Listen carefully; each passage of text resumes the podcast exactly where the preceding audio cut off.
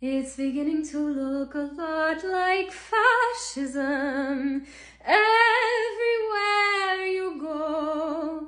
Take a look at Australia, locking up aboriginals. Just a few more steps to genocide, you know.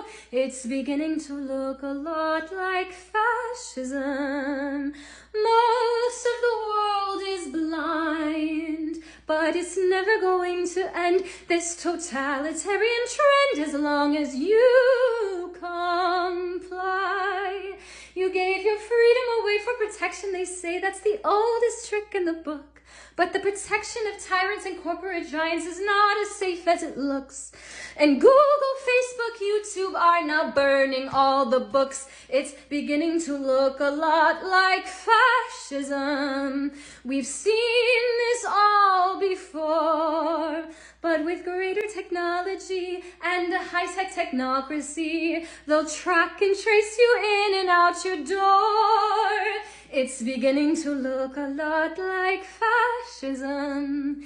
And I won't hold my tongue. And you may not agree with me, but to try and stop my speech would be a slippery slope.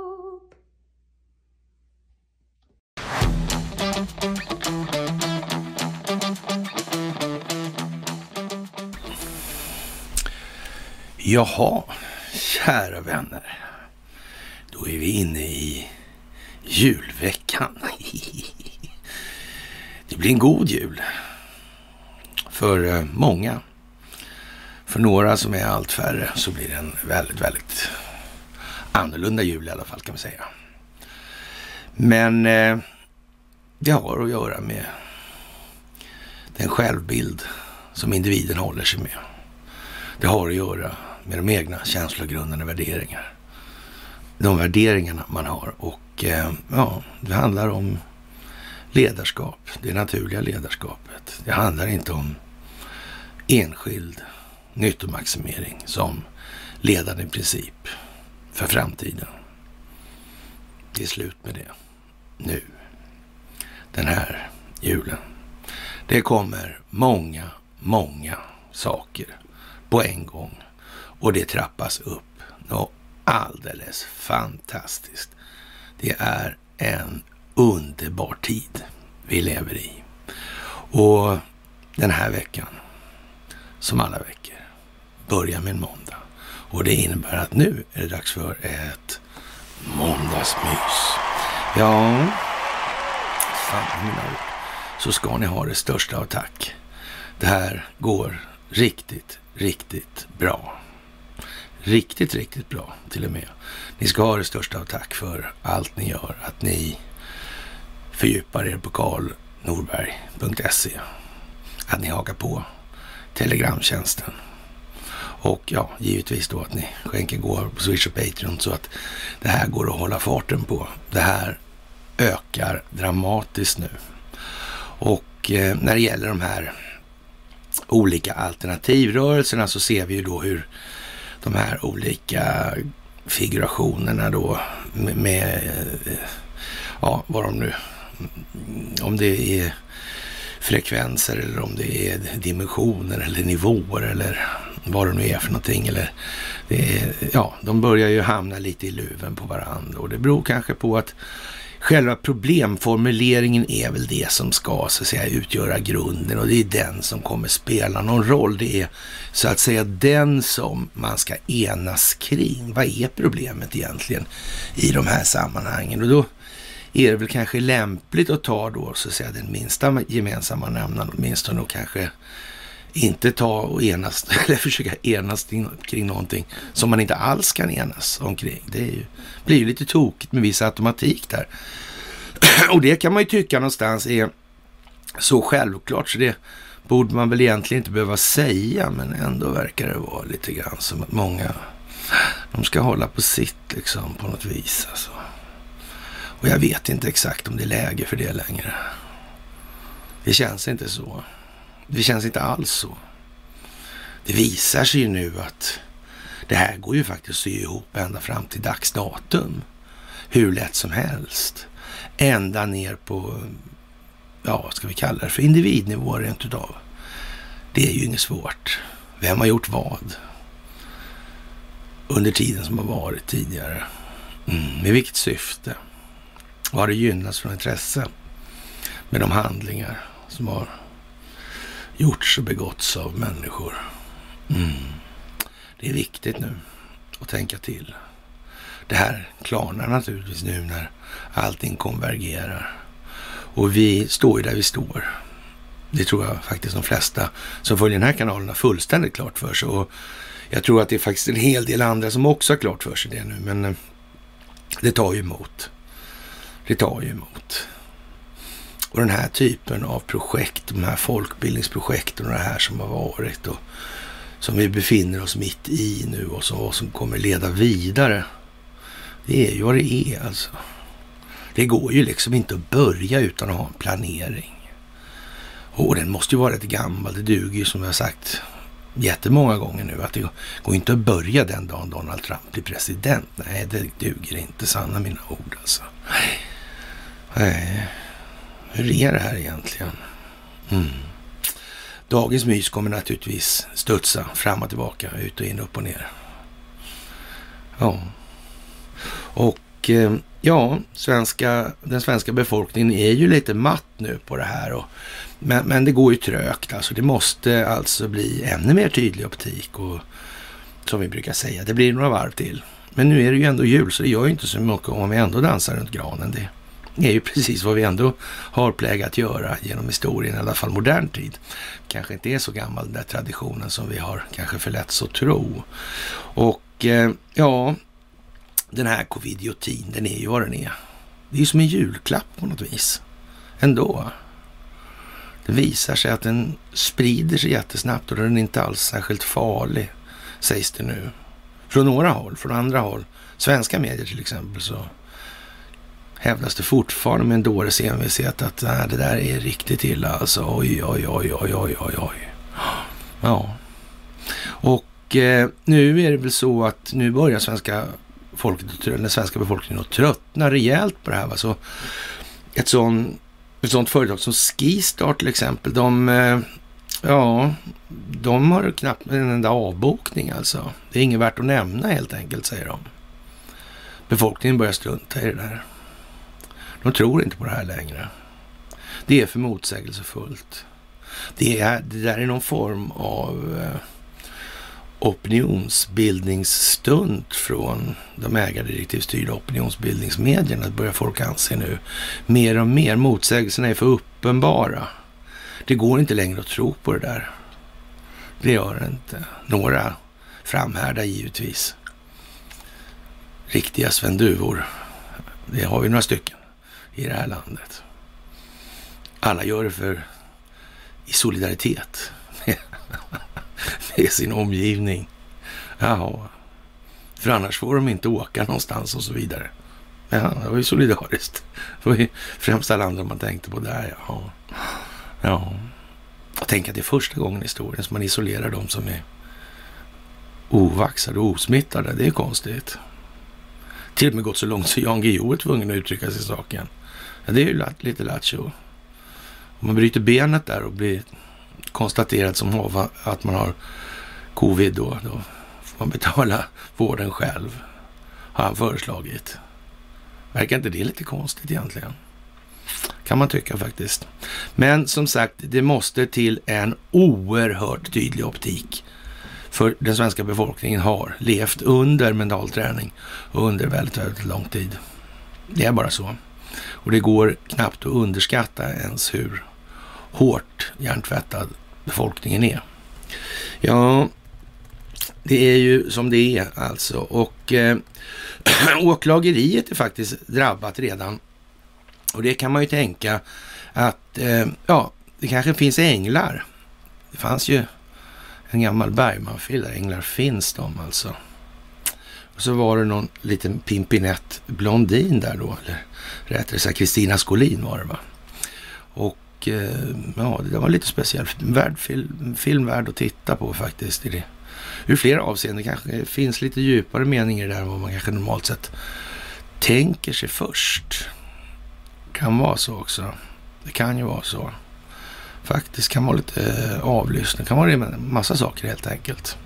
Och eh, ja, SVT avslöjar, och det, bara det är ju en sån, så att säga, start på eh, det här inlägget i SVT då, att det, SVT avslöjar väl ingenting om det är till för att skydda systemet ändå, det kan man väl inte påstå.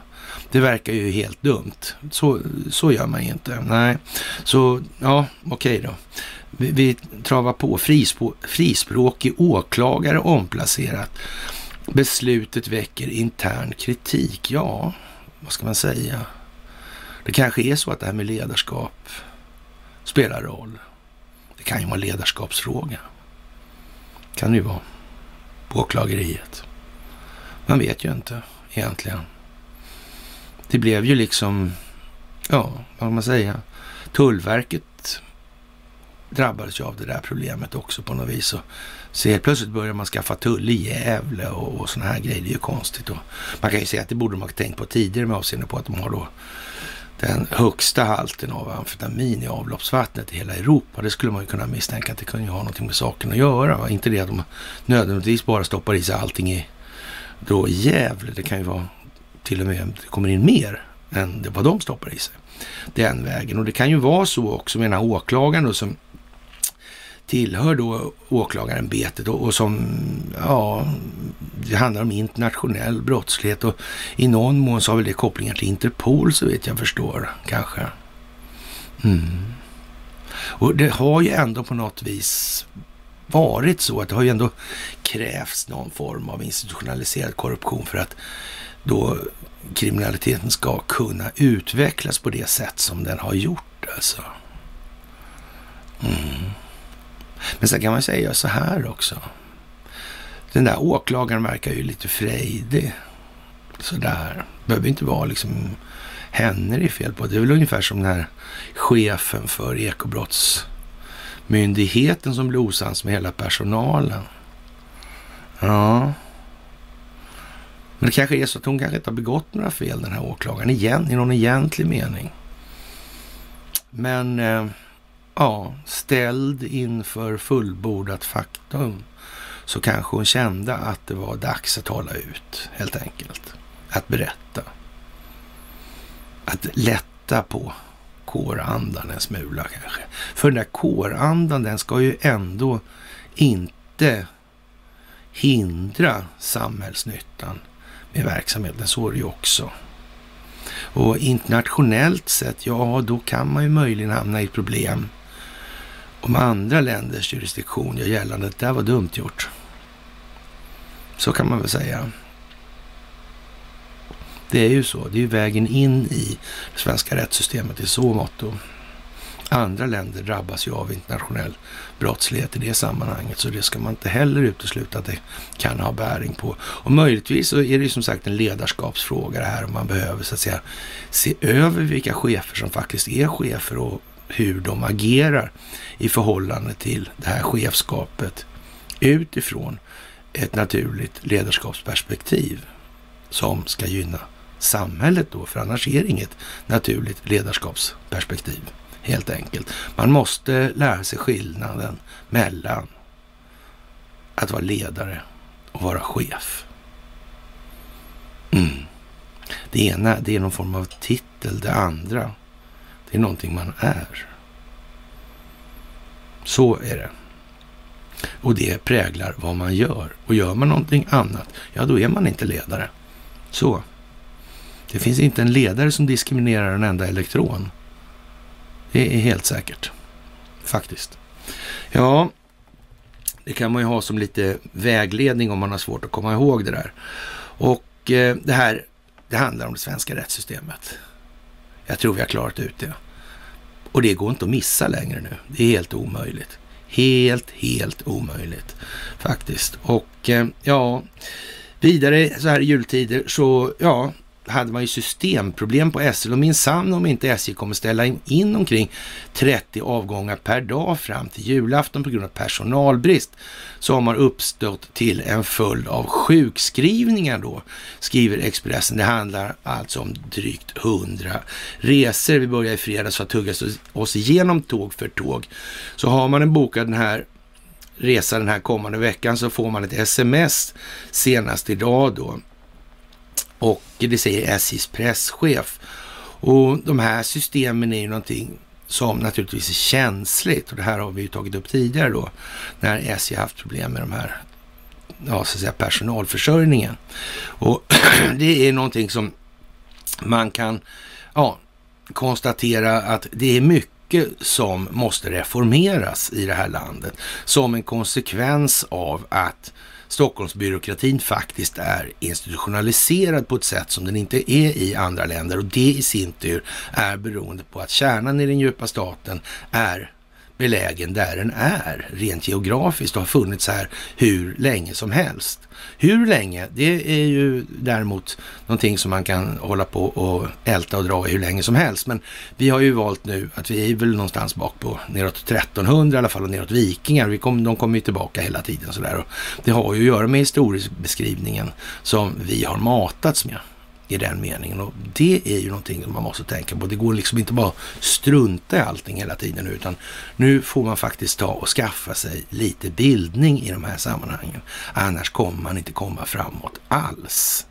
Man måste bjuda till och man måste finna sig i att de egna känslogrunderna och värderingarna, de kommer inte att hålla i alla lägen. Det finns ingen som är perfekt.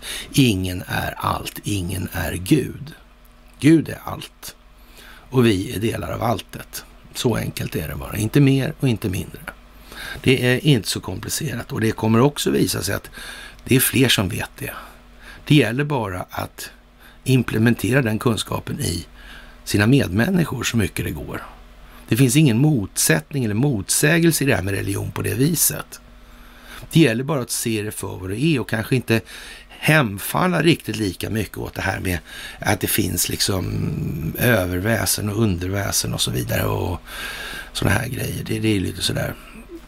Och, och det kan man säga så här, man, man snackar ju ofta om det här i de här alternativrörelserna då, att det är liksom alla svaren finns inuti. Ja, med visst sätt, alla svar man kan nå finns ju möjligtvis där då. då om man då bearbetar sig själv. Och egentligen är det ju så att det undermedvetna det är ju vad som är registrerat i till exempel järnbarkar och sådana här grejer. Då. Och, men ändå inte bearbetat intellektuellt. Men man ser, det är ju därför man får den här déjà vu-upplevelser till exempel och så vidare. Och det här är inte heller sådär superkomplicerat alltså. Och, och, det är lite bra om man försöker ta tag i de här bitarna, inte minst då med sig själv och eh, främst alltså det blir bäst så för alla helt enkelt. Och ha det i åtanke då, alltså att det, det, måste man hela tiden vara beredd att ompröva i de här sammanhangen. Det är viktigt alltså. Jätte, jätteviktigt helt enkelt. Och eh, ja, det är lite sådär äh, halvtråkigt naturligtvis för många det här just nu, men ja, samtidigt finns det ju en viss komik i de här sakerna. Alltså, man får ju ändå skratta lite grann åt det här att optiken måste göra så uppenbar att man eh, tror inte det är möjligt att det ska behövas. Alltså. Och här har vi ett paradexempel med de här flyktingdirektörerna. De tjänade miljoner och ja, 72 miljoner eller hur mycket det var. Det fattas 14 miljoner i bolaget där och de fick då, ja, på det, det var bokföringsbrott alltså. Och de fick då 160 timmars samhällstjänst alltså.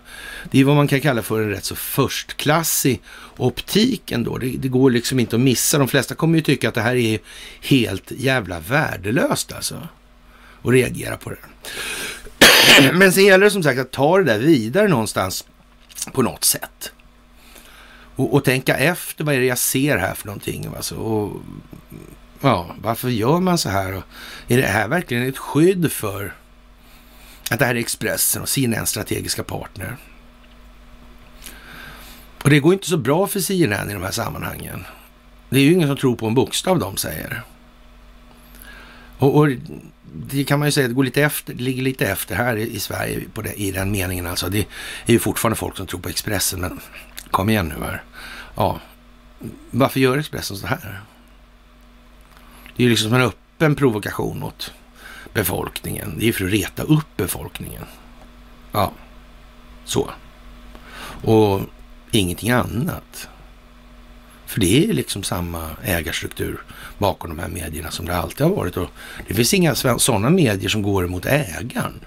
Vad är det för dumheter? Så fungerar det inte. Och det vet alla, egentligen alltså. Ja, det är lite udda kan man väl säga sådär. Jaha, eh, i Aftonbladet då så säger man ju då att omikronläkaren då säger att ingen sover tryggt förrän Afrika har vaccinerats. Och det kan man ju kanske sådär tycka, vad, vad konstigt, har vi inte sett det här någon annanstans då lite grann sådär. Hur var det nu egentligen? Vi inledde ju med det med omikronet då sådär. Och så här står det i alla fall inte i Aftonbladet då, men det står ju andra medier utomlands och just nu så kan man ju läsa då, eller vi kan ju fortfarande i alla fall och vi kan kommer kunna göra det också. För, för de kommer liksom inte åt det här längre. Katten är för länge sedan för stor för att, det, varken säcken, den går inte knappt in i huset längre ens alltså. Och vi, vi kan ju läsa det här, alltså informationsrörligheten på, på horisontalplan, det är för stor, så de kan liksom inte stoppa det på något bra sätt, utan det kommer alltid komma in så här i alla fall. Vi kommunicerar för bra med varandra nu och, och, med vår omvärld. Så det här går inte. Vi har för mycket tillgång till omvärlden. Det går inte att göra någon sån här konstig... Ja, man så, ingen, så länge någon inte såg över järnridån så, så var det inga problem. Men när folk började se på utsidan då började det bli problem då. Även om den i sig var en kuliss då. Men, men i alla fall principiellt då. Hur som helst då.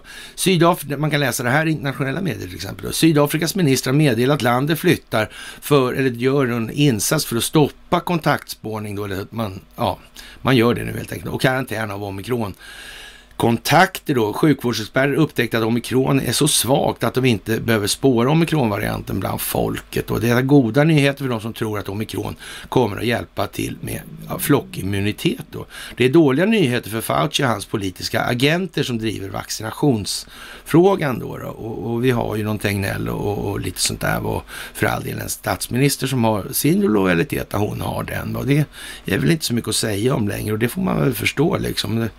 Ja, vi får ju hoppas liksom att det, det, är då familjen och inte så att säga familjens hand som, eller den hand som föder familjen som är anledningen då. Det kan man väl säga sådär. Och eh, en Alex Berenson rapporterar från News 24 att Eh, ja, Ministerial Advisory Committee, makt för covid-19, har skrivit till hälsominister Joe Falla att, och rekommenderar att karantänen av kontakter stoppas eftersom det inte längre är lönsamt i det nuvarande sociala och ekonomiska klimatet. Det finns liksom ingen uppsida på det här längre. Dessutom sa kommittén att kontraktsspårning inte längre var nödvändig och att den också borde stoppas med omedelbar verkan. Och med endast litet antal kontakter identifieras från ett proportionellt litet antal covid-fall då.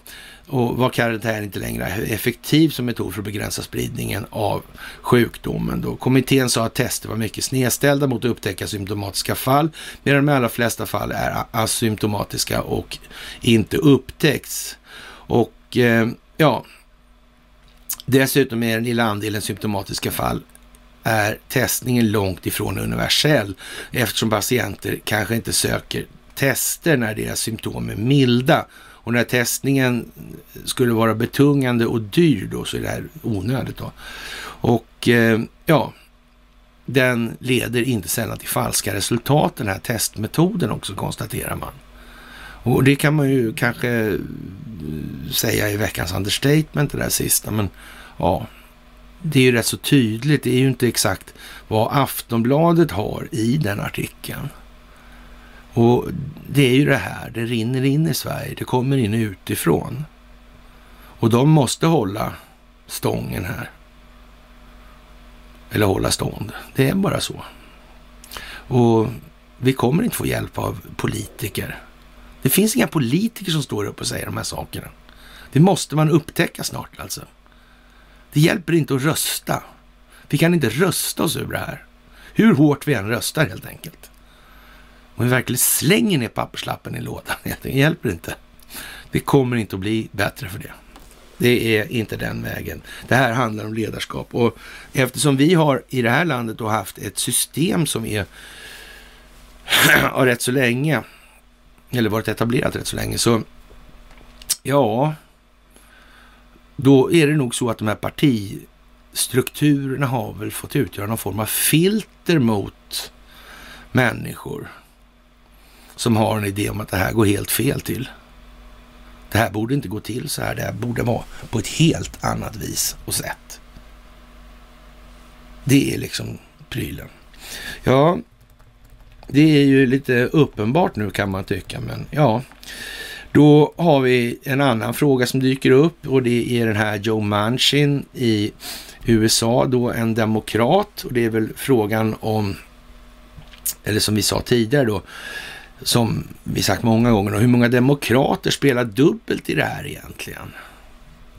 För det är ju inte så att Donald Trump är så korkad så han börjar med den här typen av verksamhet utan att för den skull, skull att, så att säga, förse sig med ett antal demokrater för att kunna vinna de avgörande um- omröstningarna. Så det är klart han inte gör. Det är ju liksom inte bara eh, ja, de här rhinos liksom republikaner in Republicans in name only. Det är inte bara sådana, det finns ju, ja,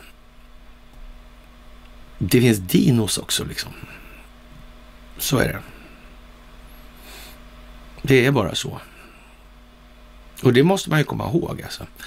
Och eh, en annan sak man kan komma ihåg det är ju att de värsta tjuvsmällarna biter ju faktiskt bäst. Det är ju så. Det är ju alltid så. De, det är alltid de som kommer där man inte förväntar sig. Det är ju så liksom. Mm. Och det får man ju faktiskt beakta i det här. Och det är klart att det är ju inte nu den roliga tiden kommer för den djupa staten. Och det, för det är ju inte så att om man har planerat det här så har man missat en sån liten detalj. Det har man ju inte gjort. Såklart inte.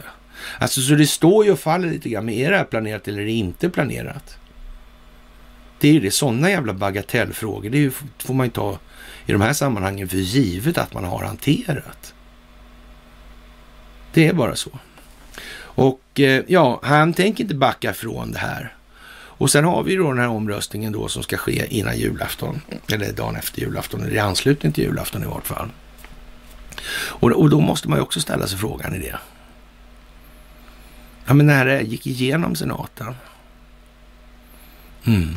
Var det kanske med flit från republikanernas sida med skuldtaket? Kan det vara så? Och sen fäller de hela skiten i kongressen. Den smällen skulle ju bita. Då är det inte så mycket idé längre. Och då har de här uh, rhinosarna, de har exponerat sig. Mm. Det är inte säkert inte ens frivilligt de har gjort det där med att rösta som de har gjort om rhinosarna. Nej. Så kan det vara. Så kan det vara. Men det kommer ju förarga en och annan republikansk väljare. Det har ju förargat en och annan republikansk väljare, det är helt säkert. Liz Cheney ligger inget bra till. Till exempel. Det är bara så. Det är bara så. Jaha. Och eh, vad ska vi säga? Alla de här politiska slogans och så som går nu, det är ju vad det är. Det håller ju inte längre.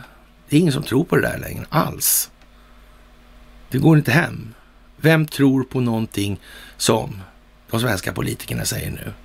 De säger ju ingenting som inte är covid-kopplat eller som... Det, det är bara blaj rakt av alltså. Och eh, absolut panik i USA är väl ingen underdrift att säga att det är. Men när, vad ska man säga, Pennsylvania då, ja, delstatsordföranden där då, eller för Demokraterna då, vad, vad är liksom... Då stämmer man då för, från deras sida för att man inte ska komma åt Dominionmaskinerna för, från röstningarna. Mm. Och det kommer ju naturligtvis gå upp i den juridiska och rättsliga hierarkin. Mm. Men de här tiderna är ju sådana att här ska man vara försiktig med vad man önskar sig så är det också oerhört försiktig. För är det så att det är planerat och någon har strategisk förmåga, ja, då är det ju som det är med det här. Då kommer man önska sig sen att man skulle varit mer försiktig med vad man önskar sig helt enkelt. Å andra sidan, så det här kommer ta slut förr eller senare. Och det här kan man ju inte precis säga förefaller vara någon mer strategisk åtgärd och stämma för att de inte ska få granska valet som ska vara öppet och transparent. Och det här kommer vi se flera exempel på att det är ju naturligtvis så att det här är på upploppet ordentligt nu. Ordentligt. Det är liksom ingen diskussion ens. Det är jätterörigt på det viset. Ja, och några är ju värre än de andra då kan man väl kanske säga. Och vi kan väl säga så här att en, eh, för att koppla till det då, så en riktigt, ly, ja, riktigt lyckad julutrymning av närvaron i Irak, där alltså ambassaden i Bagdad, som är den dyraste amerikanska ambassaden, skulle ju naturligtvis i ljuset av en splittrad amerikansk militär som vi kommer tillbaka till och upptrappningen i Ukraina. Det skulle ju vara rena klang och jubelföreställningen för opinionen för underlivsporslin. Det skulle ju vara en katastrof. Inte en gång till ovanpå Afghanistan nu här. Och dessutom så eh, har man då ett antal generalspersoner som börjar skriva insändare i New York Times. Men, eh, jaha? Och, och varna för att det ska bli en massa konstiga liksom, revolutioner och inbördeskrig och hej och, och, och för att koppla tillbaka till de här lallarna som ja, traskar runt och, och, och samlar ihop namn på alla de här människorna som går på möten då och man ska bevaka bensinstationer och man ska ja, sätta sop, eller svarta sopsäckar över hastighetskamerorna och hej liksom. Ja, nej. Det där är så billigt som man måste nästan tro att det är en öppen provokation för att liksom få, göra folk medvetna om vad som försiggår i det här. Alltså, och sen kan man ju säga så här att, att man är så naiv som man tror på det där. Det är ju lite förargligt däremot. Det är ju lite för, förargligt. Och för svenskt vidkommande är det ju också så att det här det här är ju viktigt för de som bekämpar den djupa staten internationellt då, att Sverige hanteras under ordnande former. Och där kan man ju inte säga att den, eller den svenska statsförvaltningen och Stockholmsbyråkratin är någonting som man kan ta någon överdrivet stor hjälp av när det går ut på att riva de där grejerna. Det kan man inte räkna med. Det kommer inte bli något bra om man, om man tror det alltså. Det kan man vara helt säker på. Det är ju inte så att de här människorna som har betett sig på det sätt som har gynnat den djupa staten kommer tycka att det här är en bra idé nu. Det finns ju inte, så är det inte helt enkelt. Nej, det är på ett annat vis faktiskt då.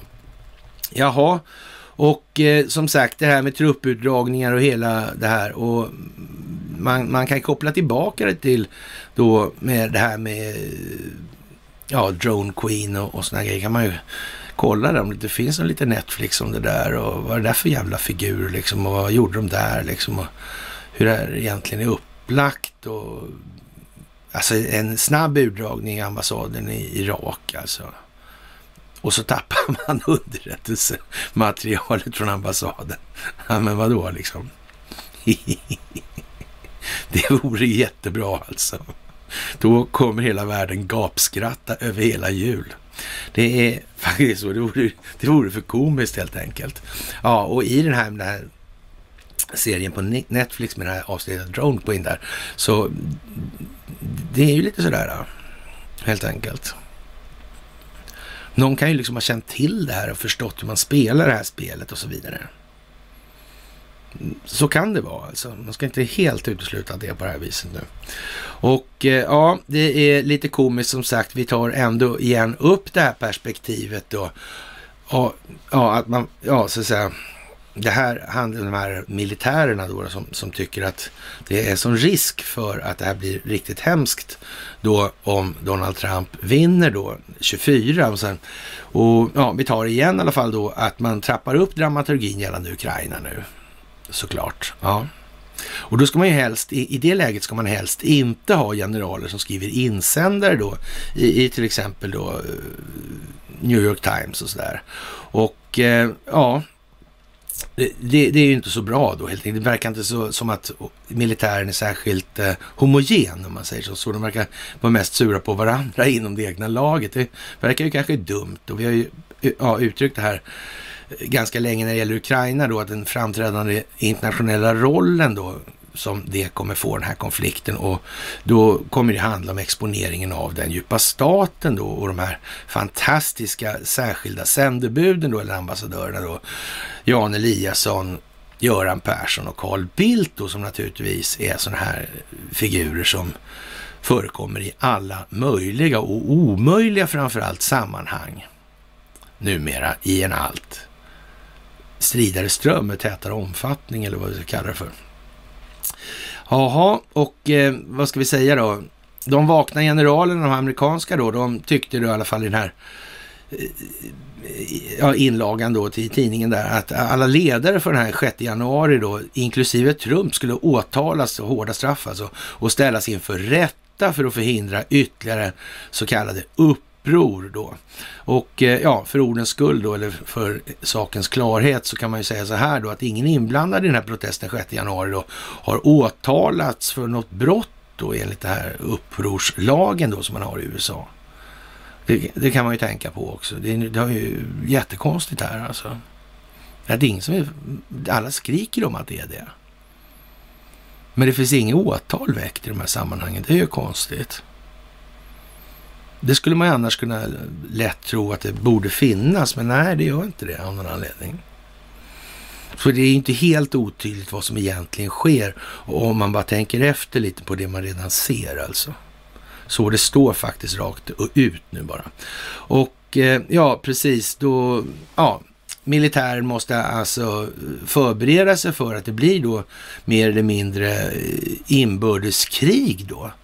Om det skulle vara på det viset att då, ja, de här har ju fått ja, begåvning i efterhand för att förhindra att ett nytt uppror inträffar 24 då, men det kommer bara lyckas om de vidtar besluten och åtgärderna nu, säger de sådär. Men jag vet inte mm, sådär. Mi militär och lagstiftare har alltså fått den här möjligheten nu i efterhand att förhindra ett nytt uppror 24. Men eh, det kommer bara att lyckas om de vidtar beslutsamma åtgärder nu alltså. Men det kan man ju säga är lite eljest. Det verkar lite desperat faktiskt. Det verkar inte i linje med den här strategiska planeringen som bör ha en långsiktighet värd namnet i alla fall. Det där är ur hand i mun och ingenting annat. Det här är någonting som belägger att vi är på ett upplopp nu i de här sammanhangen. Det går ju liksom inte längre. Och det här är någonting som säger att det här, när de börjar skjuta raketer igår på ambassaden i Bagdad, ja, då är det som det är. Då är det som det är, helt enkelt. Mm. Jaha, och eh, det går ju inte så bra för den djupa staten och eh, den falska indianskan Elisabeth Warren, 72 år, sa på söndagen att hon testade positivt för covid-19. Och eh, ja, hon är ju både vaccinerad då, senator Warren, och eh, boostad. Och hon fick ändå covid. Och då undrar jag som en svensk av ordning, då, en svenduvisk ordning, hur, hur, hur då liksom? Och hon säger själv så här, jag testar regelbundet för covid och medan jag testade negativt tidigare i veckan testar jag pos, idag positivt med ett genombrottsfall. Tack och lov upplever jag bara lindriga symptom och är tacksam för det skydd som ges mot allvarlig sjukdom som kommer av att vaccineras och boostas, sa hon då. Elizabeth Warren i en tweet. Då. Och, och det här kan man ju inte gärna tro att hon är så jävla glad över att behöva göra. Det finns ingen rimlighet i tror det alls. Och, och, det är också ett tecken på var någonstans vi befinner oss i det här. Var i utveckling. Det här är en indikator på det, en markör för det. Var någonstans i utvecklingsförloppet befinner vi oss. Och det är ingen diskussion alls om den saken. Så är det. Och, eh, men lite komiskt är det allt när hon står och dricker öl med sin man i, i köket liksom på ett ungdomligt vis helt enkelt. Jaha, och eh, ja, som sagt, det är inte, inte så lätt att veta hur sjuk hon skulle blivit utan de här sticken naturligtvis. Men ja, ni förstår själva, det där är ju lite som det är. Va? Och eh, ja, lagom till jul nu alltså så är det här blåa demokratiskåpet så fullsketet att det exploderar helt enkelt. Det finns ingen tid kvar. Och ingenting gör det här bättre naturligtvis, eller ingen gör det här bättre än Adam Schiff alltså. Det är ju bara så alltså. Och där kan ju han sitta i olika då underrättelsetjänstkommittéer och så vidare. Mm, tillsynskommittéer för underrättelsetjänster och sådana grejer. Men det här med att manipulera då underlag och så som man har gjort, alltså manipulerat kommunikation mellan Jim Jordan och Mark Meadows som var stabschef då. Det är väl ändå lite flagrant va? Mm. Jag tror inte han hade så mycket val faktiskt. Jag tror inte han hade så mycket val. Det är svårt att tro. Det är nästan svårt att tro att någon människa kan palla det trycket som han förefaller vara utsatt, utsatt för. Men det är också en markör det här. Det säger vad det säger. Det håller ju inte en minut till det här. Jag menar, det är ju uppenbart. Här sitter nu idag, eller häromdagen då, eller igår, eller om det var i förrgår då, då sitter Jim Jordan med sin telefon då och läser vad han skrivit. Ja, och det visas upp i bild. Och sen kan man se vad då Shifty Shift har fabricerat fram för något. Ja, men det är ju inte så jävla seriöst helt enkelt. Det kan alla se. Det behövs inga rättsprocesser för det. Och då kan man ju i normala fall säga då att då skulle ju vederbörande då erkänna det här, men det, det gör han inte. Men å andra sidan så har man ju då i, i, andra sammanhang, då har man ju så att säga erkänt då att vi har ändrat på det här nu och liksom det har, vi har gjort fel. Ja, men det det är ju samma sak. Det är ju ett erkännande bara då. Men, men eh, Adam Schiff, han gör ju inte det. Nej, men han vet ju vad som kommer. Det är ingen idé att göra någonting för honom. Och därför är det också så här att han gör ju bara vad han är åtsagd att göra nu. Eller tillsagd att göra heter det då. Ja, och eh, det ska man tänka på nu alltså. Det här är spel mot ett mål. Men det är spel för att det här ska gå i lagom takt. Det går inte annars. Det blir katastrof om man släpper större tuggor än vad folk kan tugga i sig. Det måste ske i en lagom takt helt enkelt. Jaha, och är det då möjligen, eller ja, är det lite misogynt kanske då och eh, man tycker då att Kim Jong-Uns syrra då är liksom helt då diktatoriskt galen? Eh, eh, eller ska inte hon få chansen liksom som, att, som, som kvinna och framträdande person i den nordkorea, nordkoreanska förvaltningen eller statsapparaten? Ska inte hon, hon ens ge, ges chansen? Skulle någon kunna tänka så och faktiskt slå mynt av det? Ifall folk börjar klaga nu på Nordkorea. När hon är plötsligt lyfts fram här i de här sammanhangen. Mm, kan det vara så? Det kan ju till och med vara så att Kim Jong-Un inte har varit så där tjock någonsin ens. Eller... Det är inte så mycket som är sant. Vad vet vi om det här? Var har du fått informationen ifrån? Vad vet vi om Nordkorea? Vem har sagt det? Det är ju samma medier som har pratat med oss hela tiden om allting. Vi har inte fått någon annan information någonstans ifrån. Det är kanske värt att tänka på det nu. Det kan vara värt att tänka på det nu helt enkelt. Jaha, det är lite spännande helt enkelt. Och eh, ja, god jul och gott nytt år till den djupa staten tycker vi då här. Därför att, eh, ja, Ghislaine Maxwell har då den här rättegången då det har det gått så långt då i det här så, ja, då står det så här till exempel på något ställe då. Nästan efter tre år, och det här är naturligtvis inte alls koordinerat eller någonting, inte det minsta alltså, inte på något vis alltså. Det här är bara skjutet från höften, det finns inga kopplingar till underrättelsetjänster, det finns ingen farsa till Ghislaine Maxwell som har eller hade samlat på sig hur länge som helst olika utpressningsmoment då mot olika statstjänsteman och, och, politiker och så vidare. Företrädare för näringsliv och så vidare. Och eh, ja, så här då, då att eh, nästan tre år efter att eh, Jeffrey Epsteins mystiska frånfälle då på det här fängelset då, men han satt i fängelse för att ha gripits på grund av anklagelser om barnsexhandel så borde den, eh, ja så kommer nu den federala brottsrättegången mot Ghislaine Maxwell, hans förtrogna då, skenbara partner som skulle hjälpa honom att hitta, ja och Eh, ja så att säga misshandla unga flickor komma till slut den här rättegången ska göra det den här veckan då. Med varje sida inställd på att presentera sina avslutande argument på måndag alltså och, och julafton är på fredag nu. Alltså det, nu kommer det bli trevlig helg, sug och svälj alltså för den djupa staten. Det är helt säkert. På grund av Manhattan Courts planerade juluppehåll som börjar på torsdagen då förväntas jury, juryöverläggarna Juryöverläggningarna var snabba. Med stor sannolikhet kommer en dom fattas redan på onsdagen, alltså i övermorgon, för att lösa fallet och undvika förseningen.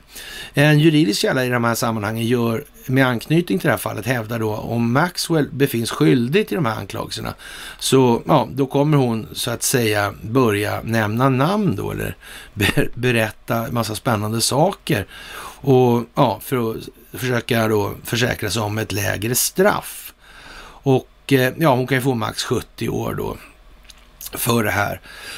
Men nu är det ju så här att varken Maxwell, hennes ombud eller då åklagarsidan är så hjärndöda så de inte så att säga har gjort upp det här redan.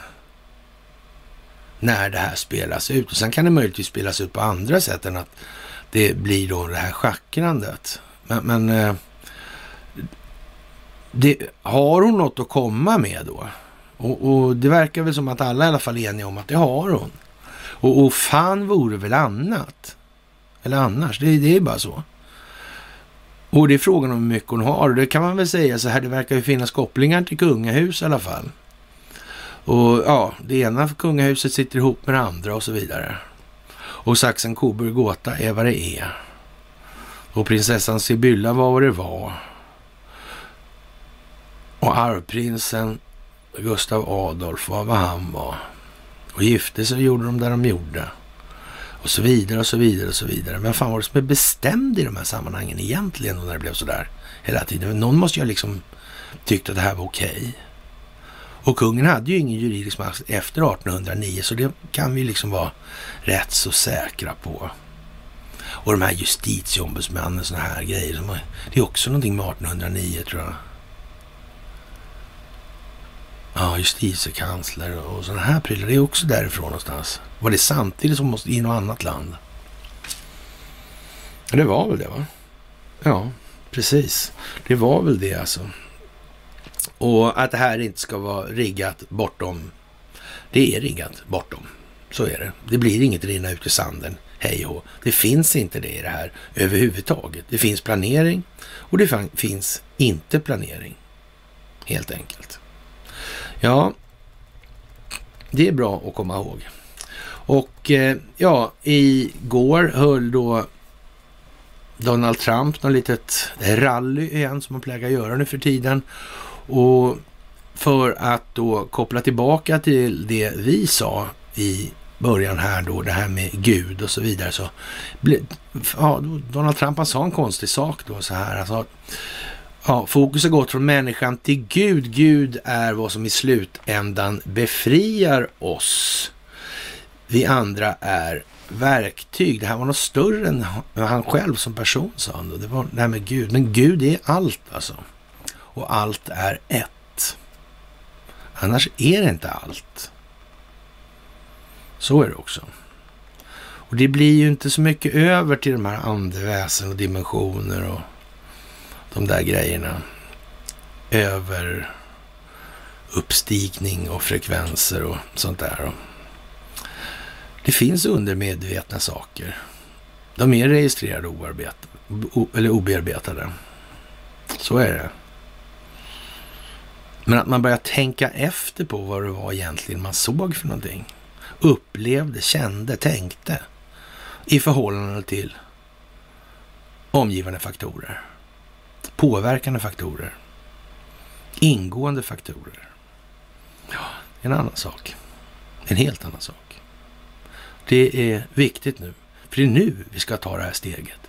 Det är nu vi ska gå från att vara filosofiskt materialistiskt orienterade, för det håller inte längre. den här typen av system som de skapa, till för att skapa där att det är klart att äh, om man har den, det mindsetet, då blir det ju så att allt färre blir allt rikare på allt fler människors bekostnad. Då är det ju jättebra och då kan man ju konstatera då att eh, ja, men det här systemet verkar inte vara så bra för alla ändå nu. Det borde vara liksom ett ganska tydligt exponerat exempel kan man tycka. Ja, men ändå är det ju liksom inte riktigt alla som vill släppa den här ändå. De tror på något vis att det finns ändå en möjlighet att det här kan bli bra. Nej, det finns ingen möjlighet att det kan bli bra. Det här kan bara bli dåligt. Och det är helt säkert. Helt, helt, helt säkert. Ja, och nu måste vi ta ett steg från det sättet att tänka till då att bli mer, ja, intellektuellt, emotionellt och inte. Vi måste intellektuellt försöka bearbeta våra känslogrundande värderingar i det här. Alltså vår moral, det är den känslomässiga kompass vi orienterar oss utifrån alltså. Vi måste utvecklas moralfilosofiskt. Det är vad det handlar om. Mm. Vi måste kunna resonera med oss själva, kring oss själva. Vårt beteende, våra tankar, våra känslor och så vidare. Varför upplever vi saker som vi gör? Bygger det på att vi så att säga håller oss med kanske en lite eh, snävare eller ett lite snävare perspektiv på tillvaron moralfilosofiskt än vad vi kanske ger sken av. Kan det vara så? Varför sa Torsten Nothin så här? Det svenska folket är dömt att upptäcka att dess välstånd har offrats på den falska solidaritet. Hur kunde han säga så? Hur kunde han veta det? Om man inte visste om att det var riggat så. Varför skulle han, det finnas ett falskt altare överhuvudtaget? Men det altaret måste ju finnas i befolkningens sinnen. Det är där altaret står. Det är liksom ingen stenstod som står i någon park eller så. Det är det inte. Det är en metafor det här. Och det finns i den befolkningsmässiga själen. Det är så det är. Det är så det ser ut. Och det är det som vi kommer få se konsekvenserna av. Och det är det som innebär att nu tvingas självbildsrevisionen fram. Antingen man vill eller inte. Det är bara så. Och vi kommer få ta det här flera varv till. Det är helt säkert det också. Jaha. Och eh, en tugga i taget är ju liksom devisen här nu då, så här i jultider också, även om man försöker glufsa i sig lite kanske mellan varven. Och eh, jaha, det är ju dags att tala om en massa saker då naturligtvis också.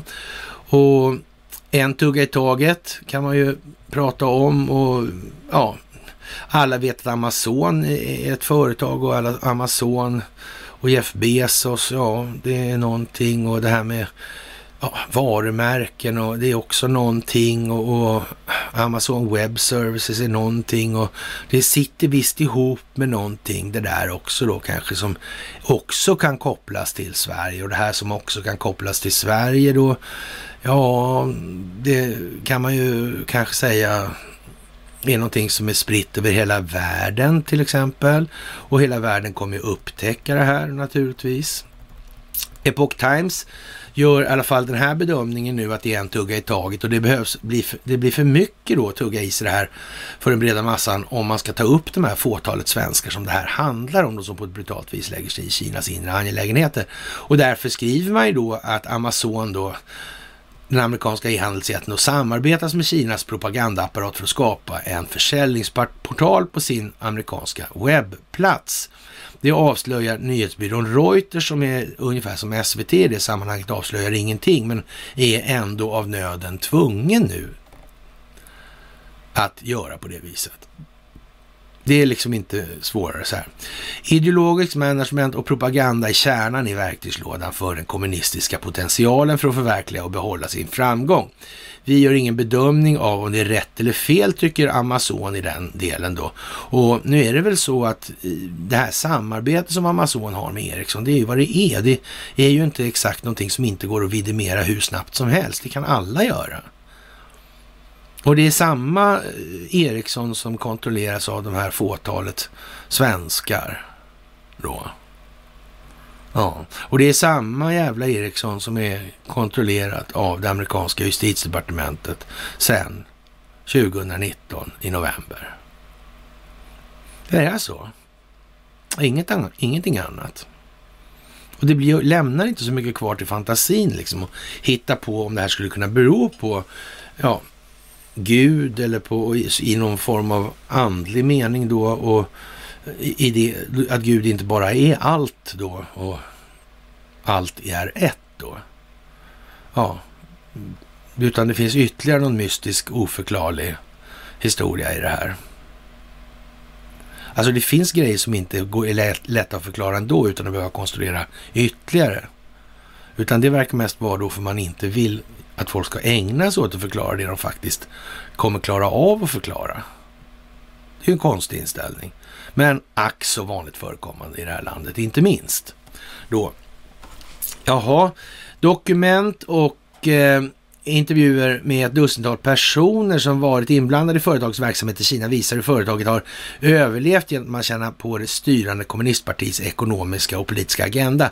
Det här med att den djupa staten finns i Kina verkar ju inte exakt vara eh, någonting som man alltid talar om då. Men som sagt, vi antar att svenska Epoch Times gör den bedömningen att det här gäller att ta det här i lagom delar istället.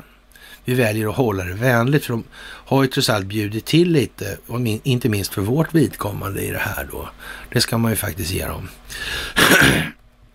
Så det är bra alltså. Och eh, ja, man, man pratar ju naturligtvis om de här eh, verksamheterna och man tar upp de poängerna som faktiskt finns i medierna. Men de har ju någon annan, för det här är ju kommunistiska partiets problem alltså. Och, precis som att inte det kommunistiska partiet var infiltrerat av den djupa staten. Det är ungefär som att säga att det är ingen inom socialdemokratin som har ja, varit korrumperad någon enda gång. Aha. Ja, ja, men kanske inte. Vad vet jag? Ja, och eh, de senaste åren har det blivit allt svårare för västerländska företag att verka i Kina. I början av november meddelade it-företaget Yahoo att man lämnar landet på grund av ett allt mer utmanande affärsklimat. Och frågor kring det juridiska i mitten av oktober uppgav medieplattformen LinkedIn att man också lämnar Kina. Landet har en av världens strängaste internetkontroller och man kan väl säga så här, vem är det egentligen som kontrollerar det här då? då? Vem har funnits där längst i Kina? Vilket företag har funnits där längst inom telekominfrastrukturen?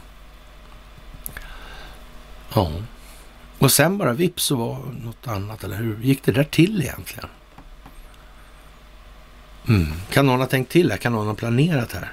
Måste det här ske i en viss takt och ordning för att kunna slutföras? Och i det här skedet kanske det är så att det kan det vara så att man måste hantera då den djupa staten i Washington för att klara av att hantera den djupa staten i Kina. Och att därför så måste man, antingen man vill eller inte, koordinera det här mellan Kina, USA, Ryssland och Turkiet till exempel. Kan det vara så? Nu ska jag inte slänga ur mig en spydighet på att jag med då att jag tycker att det är för jävla trist då att det här fortfarande inte sprider sig eller gör vidare ringar liksom. Det, det kan man ju säga. Men eh, ja, det, det, är inte så jävla imponerande kort sagt. Det kan jag i alla fall säga då. Och eh, ja, Magdalena Andersson kommer med tidiga folkbildningsklappar då i de här sammanhangen. Och ja, jag vet inte, vad ska vi säga? Eh, ja, hon gör ju det hon gör och hon gör det av en anledning. Och Ja, det är ju som det är med, med hennes familj och deras samröre då med ja, de som på ett brutalt vis lägger sig i Kinas inre angelägenheter och så vidare. Ja, vi ser att läget försämras, säger Magdalena. Då. Vi har fortfarande inte jättehög smittspridning i Sverige, men vi ser ju en väldigt oroande utveckling i många, många, många andra EU-länder. Hon betecknar utvecklingen i andra länder som dramatisk. Det gör man alltså inte i Sydafrika. Och eh, Ja, till exempel. Vi vill undvika en sån situation av flera skäl. Omikron är en virusvariant som finns och, och den finns i Sverige också. Det, eh, den är ju smittsam och den kommer att sprida sig och det är inte, det är inte osant något av det. Va? Men det är så att säga eh, eh, förefaller inte vara så där riktigt farligt ändå. Va? Och dödligheten förefaller vara mycket låg alltså. Enligt massor med uppgifter alltså. Och man vill ju inte gärna svara på de här. Och vi har sagt det hela tiden, alltså att lägga några virologiska aspekter på det här, det, ja, det slutar ju ändå med att man måste ju ta någon på orden för vad de säger då i det här. Om man inte ska göra det själv då, alltigenom. Men sett till vilken nytta det gör och sett ur perspektivet vad allt det här egentligen handlar om. Det vill säga det skuldmättade valutafinansiella systemet som styr ekonomin. Och, och det, de orden kan ju de flesta lära sig nu för tiden i alla fall och förstå vad de betyder. Och, och det i sin tur innebär ju en massa saker som följd. Det är ju så. Jaha, hon uppger att nya restriktioner handlar om att vinna tid alltså. Och ja, den kommer att sprida sig den här som sagt. Det vore ju väldigt bra om fler hade fått en tredje dos efter Eftersom en tredje dos tycks skydda, tycks skydda bättre mot omikron än två doser, säger Magdalena Andersson och friskriver sig med det där tyxet. Ja, nu har vi en ökad smittspridning och den nya virusvarianten och vi behöver få upp vaccinationstäckningen av tredje dosen. Andersson, och precis, det, som sagt tredje dosen hade ju även den här ja, Pocahontas då. Och det kan man ju tycka vad man vill om henne då det här. Men, men, men, det blir ju lite löjligt nu alltså. Faktiskt. Hon tyckte ju trots allt att, att Elizabeth Warren där att Åren Och att eh, det var ju liksom tur att hon, blev ju inte så sjuk i alla fall. Det kunde ju hon veta då för hon hade mycket milda symptom alltså. De här testerna som inte fungerade spelar ingen roll alltså. Ja, vi vill ju inte hamna i ett läge då där det blir överbelastat på intensivvården IVA igen, så därför förbereder vi oss Eh, ytterligare åtgärder då, säger statsministern. Ja, TT frågar då, blir det lika tuffa åtgärder som förra julen? Exakt vad vi föreslår får, kommer vi återkomma till, svarar Magdalena. Vi är i ett helt annat läge än för ett år sedan. Smittspridningen är mycket lägre, belastningen på IVA mycket, mycket lägre. Ja, och det kommer ytterligare, om det kommer ytterligare, det kommer ytterligare restriktioner, så ska man vara förberedd på. Men exakt lika tufft kommer det inte att vara, säger Andersson. Så ett besked kan komma imorgon eller på onsdag. I förra veckan uppgav socialminister Lena Hallengrens då och Folkhälsomyndighetens chef Karin Tegmark Wisell att åtgärderna inte skulle få någon större påverkan på julfirandet. Enligt regeringen, men rubriksättningen är ju någon annan, det, men det hör ni ju själva. Alltså. Enligt regeringens åtgärdsplan kan åtgärderna trappas upp och ett steg blir en situation med väsentligt ökad smittspridning och en ökad vårdbelastning. De åtgärder som nämns i det steget tyder på att åtgärder som siktar på att dämpa smittspridningen framför allt kommer efter julhelgerna. Mm. Det kan man ju tänka sig. Mm. Det är en hel del som kommer där också ska man väl säga. Som till exempel det här skuldtaket då. Ja, det kommer ju bli massa konsekvenser av det där. Och det blir ju svårt med all den här administrationen som USA håller sig med alltså. Om det där spricker. Mm. Ja, ja. Jaha. I planen nämns även rekommendationer om att vuxna bör avstå från matcher och tävlingar om, inte, om de inte har idrotten som yrke. Planen nämner och även rekommendationer om att större läger idrottstävlingar och kupper inte bör arrangeras samt om att större samlingar i skolorna bör undvikas. Det skulle också kunna bli aktuellt med smittskyddsåtgärder för allmänna sammankomster och offentliga tillställningar, företrädesvis föreläsningar som beskriver verkligheten och det står inte det, jag skojar va.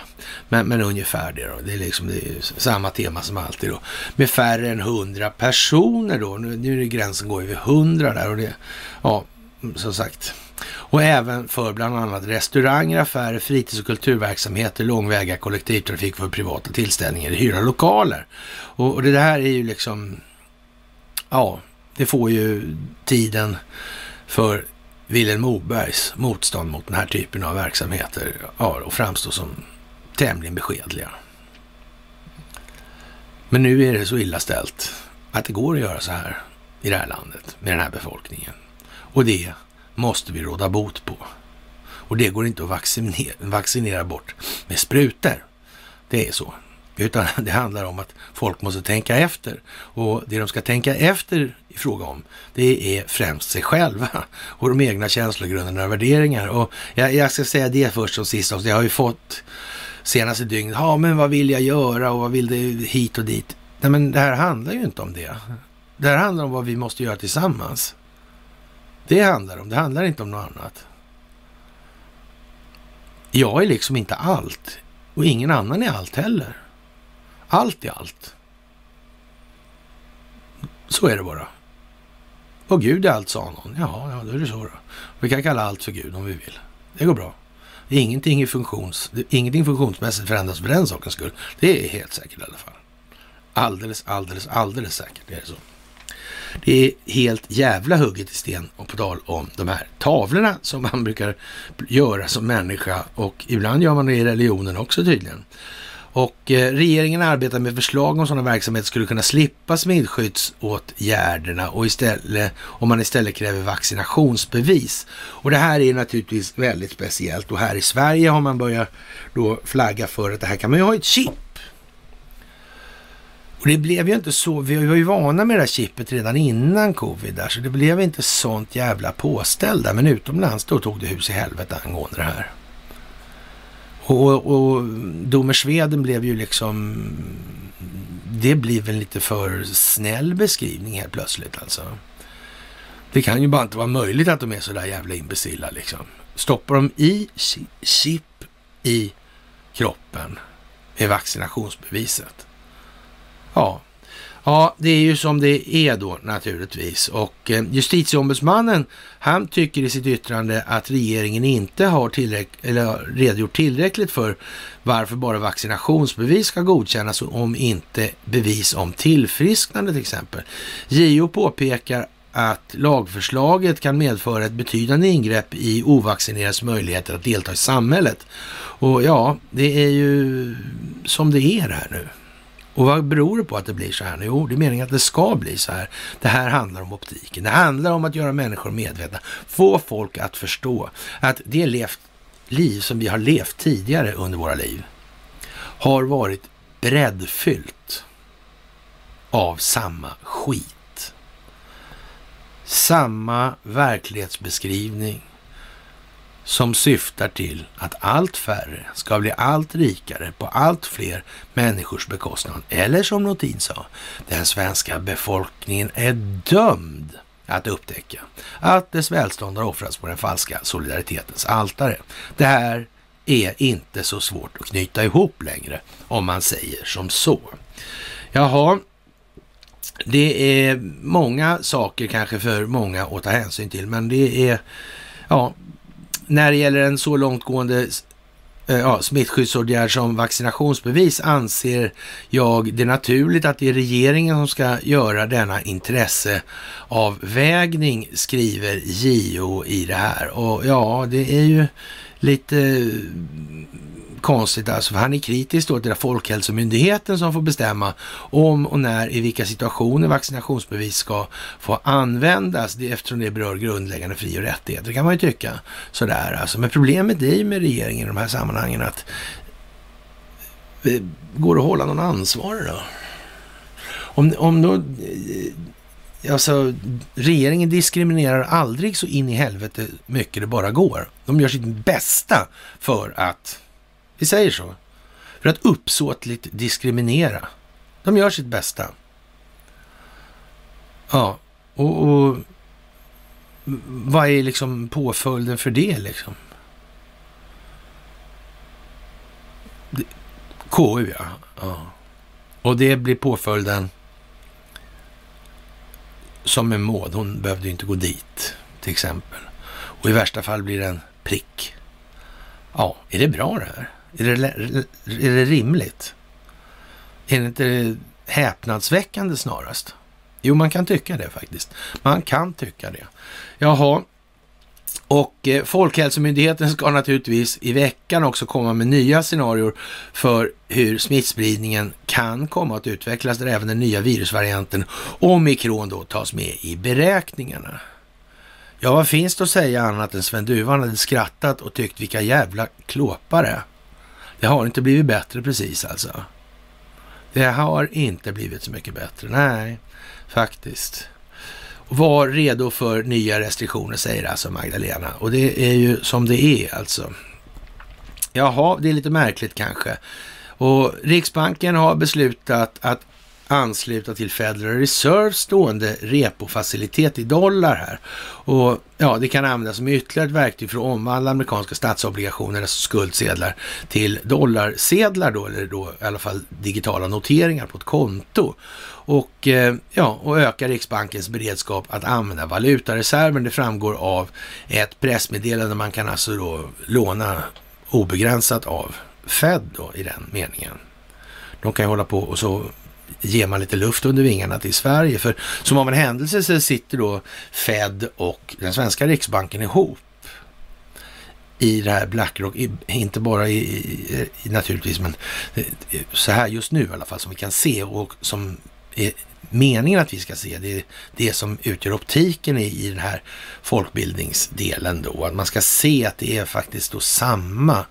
Det har någonting, det verkar vara något svenskt kopplat liksom hela tiden i det här. Det, varför har inte andra så för då? Andra riksbanker, det finns ju några stycken ändå. Hur kommer det här sig? Och de ägs inte av Rothschild alltså. Det är inte så att han får någon jävla aktieutdelning hit eller dit eller i den delen. Nej. Och kontroll och ägande är ju inte samma sak. Det börjar faktiskt många förstå nu att det, här, det är någonting annat. Alltså det här med kontroll. Det är ju inte ägande nödvändigtvis alltså. Nej. Det är liksom, det är lite grann som det här med skalbolag och målvakter och såna här grejer. Och där, det är lite så. Va? Bulvanverksamhet helt enkelt. Men det är så svenskt att hålla på och tjattra om det där jävla ägandet. Och det är nog bra om folk börjar fundera kring det och vad det egentligen är för någonting och vilka effekter det för med sig. Det är nog lite bra. Jaha, och eh, ja, vad ska vi säga? Riksbanken ansluter till Feds stående repofacilitet i dollar, tycker då Dagens Industri i den saken. Och eh, ja, det är många som tycker att sånt där är krångligt, men det är lika förbannat och de tycker pengar är viktigt och så vidare. Och, och värdet i de här pengarna, det ja, beror naturligtvis på förtroendet i de här sammanhangen. Det är samma sak med värdet på guld. Det bygger på, på ett förtroende. Äldre människor kanske har mera förtroende för guld än vad de har för papperspengarna då, till exempel eller de här digitala noteringarna på konton. Och, och yngre människor kanske har ett större förtroende för då, till exempel bitcoin och så. Men i, i grund och botten så är det ju som inget riktigt realekonomiskt värde i dem på det viset som man kanske skulle kunna förvänta sig. Det enda värde som ett samhälle har, om man ska ha en valuta för handel då, eller som möjliggör arbetsdelning då, så alla inte behöver göra samma sak, för det är ju det som är syftet med det här då, då egentligen i grund och botten, men det glömmer man också bort att tala om naturligtvis, och så gömmer man det bakom de här larviga begreppen inflation och så vidare, som betyder egentligen inflöde, men numera betyder det prishöjning, vilket då är egentligen en möjlig konsekvens av det här omtalade då inflödet. Men det är naturligtvis inte samma sak, det är två olika saker. En möjlig konsekvens är en sak, en faktisk sak i omständigheter vad det är. Det är något annat liksom. Men det här är också så här svårt, för det är språkbruket och språkbruket bygger på språkvården och språkvården har varit i händerna på sådana som absolut inte vill befolkningens bästa och till varje pris söker gynna enskilda nyttomaximeringsintressen. Kom igen nu. Återigen, jag tjatar vidare. Jaha, folkbildningsjulklapparna står som spön i backen naturligtvis. Och ny elprischock under måndagen då rusade då idag alltså rusade 345 procent. Det kan man ju tycka, måste det gå till sådana satans överdrifter? Säger jag som tro, aldrig trodde att dieseln skulle gå, kosta 20 spänn alltså innan folk hade vaknat. Jag ska inte säga att det var lika korkat som det här med Ivar Kryger, det ska jag inte säga, för det var det inte alltså. Men eh, ändå alltså. Snacka om snedbedömning. Jag har många gånger trott lite för mycket om hur lätt det här skulle gå med folkbildningen och hur mycket folk skulle förstå i olika sammanhang beroende på ja, folkbildningsinsatserna. Det kan man ju säga. Det var, ibland är det mycket lättare än man tror också, men, men det är oftast lite tyngre. Så, så är det ju. Jaha, elkunderna kunde efter en höst med ständigt nya elprisstoppar hoppas på en bättre klapp. Ja, Istället inleddes julveckan med en ny elprischock i södra Sverige. Efter en något lugnare period har elpriset åter vänt spikrakt uppåt på den nordiska elbörsen Nordpol. Och Eh, ja, vad ska man säga, i både SE3 och SE4, de båda prisområden som motsvarar södra halvan av landet. Då. Där landar en dagliga, det är dagliga så elspotpriser på elbörsen Nordpol ja, på måndagen på 3,08 kronor per kilowattimme. Och det, det, kan man ju säga, så det, det, är ju hyfsat rejält då i de här sammanhangen. Och ja, vad, vad, vad ska vi säga? Det, det här med Nordpol och det här med elhandeln och, och så. Är det någonting som är ägnat att gynna samhället i stort verkligen? Eller är den där typen av valutafinansiell verksamhet för handel med energi, är det någonting annat än samhällsnytta som eftersträvas med det där? Blir det inte en motsägelse i det där då på något vis? Och hur kommer det sig att politikerna inte adresserat det där? Är inte det konstigt?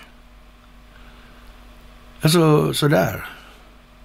Och de kan ju inte göra det rakt ut liksom, för då kommer ju ta hus i helvete och så kommer ju folk undra vad fan har ingen sagt något tidigare för? Men då får man smyga in det istället i det här. och det är ju kanske inte alltid så lätt, men då måste man ju sätta upp liksom en diskussion, en debatt kring varför ja, det där ges utrymme då, för då måste den ena spela good cup och den andra måste spela bad cup för, eller ur, befolkningens perspektiv. Alltså. Ja, och eh, ja, vad beror då de här elpriserna på i södra Sverige då? Då säger man så här då. Höga spotpriser i omgivande länder och därmed fortsatt hög export. Trots de höga priserna. Okej? Okay. Så de, företagen föredrar att leverera ut elen till andra länder där priset är högre och därför går priset upp här. Annars får inte samhället eller vem är det som köper? Är det, är det individerna då kanske då som är samhället som får betala mer? Men frågan är, ska det vara så verkligen? Är det, är det någon, en smart idé? Men, de kan ju säga så här, nu stänger vi av där, ni får betala mer helt enkelt, annars, ni får ingen el. Alls. Ens. Eh, är, är det bra? Är det en lyckad grej? Det kan man ju faktiskt. Jaha, och eh, ja. Det, Ringhals 4 går på reducerad effekt nu under förmiddagen och så här. Och, Ja, och det är betydligt lägre i norra Sverige då, kostar 59 öre kilowattimmen i båda de nordliga prisområdena SE1 och SE2 då sådär. Och, ja, och begränsningar i överföringskapaciteten som vanligt och det är ju jätte, ja, det, det är ju som det är liksom och det är, vad ska vi säga, Behöver man flaskhalsar om, flaskhalsar, flaskhalsar om att hålla på med den här typen av prismanipulationer? Ja, det måste man ha, ja. Det är bra att ha faktiskt. Och kan man tänka, har, har det alltså funnits ett syfte med att bygga det här på det här viset? För att gynna de här intressena. Men bara det att man gör en sån, är inte det så jävla illa som man bara... Och politikerna gör någonting åt det? Eller gör de inte det? Aha. Ja, då beror ju det på någonting då i så fall. Och eh, vinden är ju naturligtvis ett ständigt problem här och eh, när politiker pratar så är det ju varmluft oftast det handlar om. Men nu blir vintervädret kanske viktigare än någonsin i alla fall. Och att elpriserna senare i vinter kommer ner till en betydligt lägre nivå än vi haft de senaste vintrarna framstår som osannolikt. Och det är ju bra faktiskt, för folk måste fan fatta det här nu.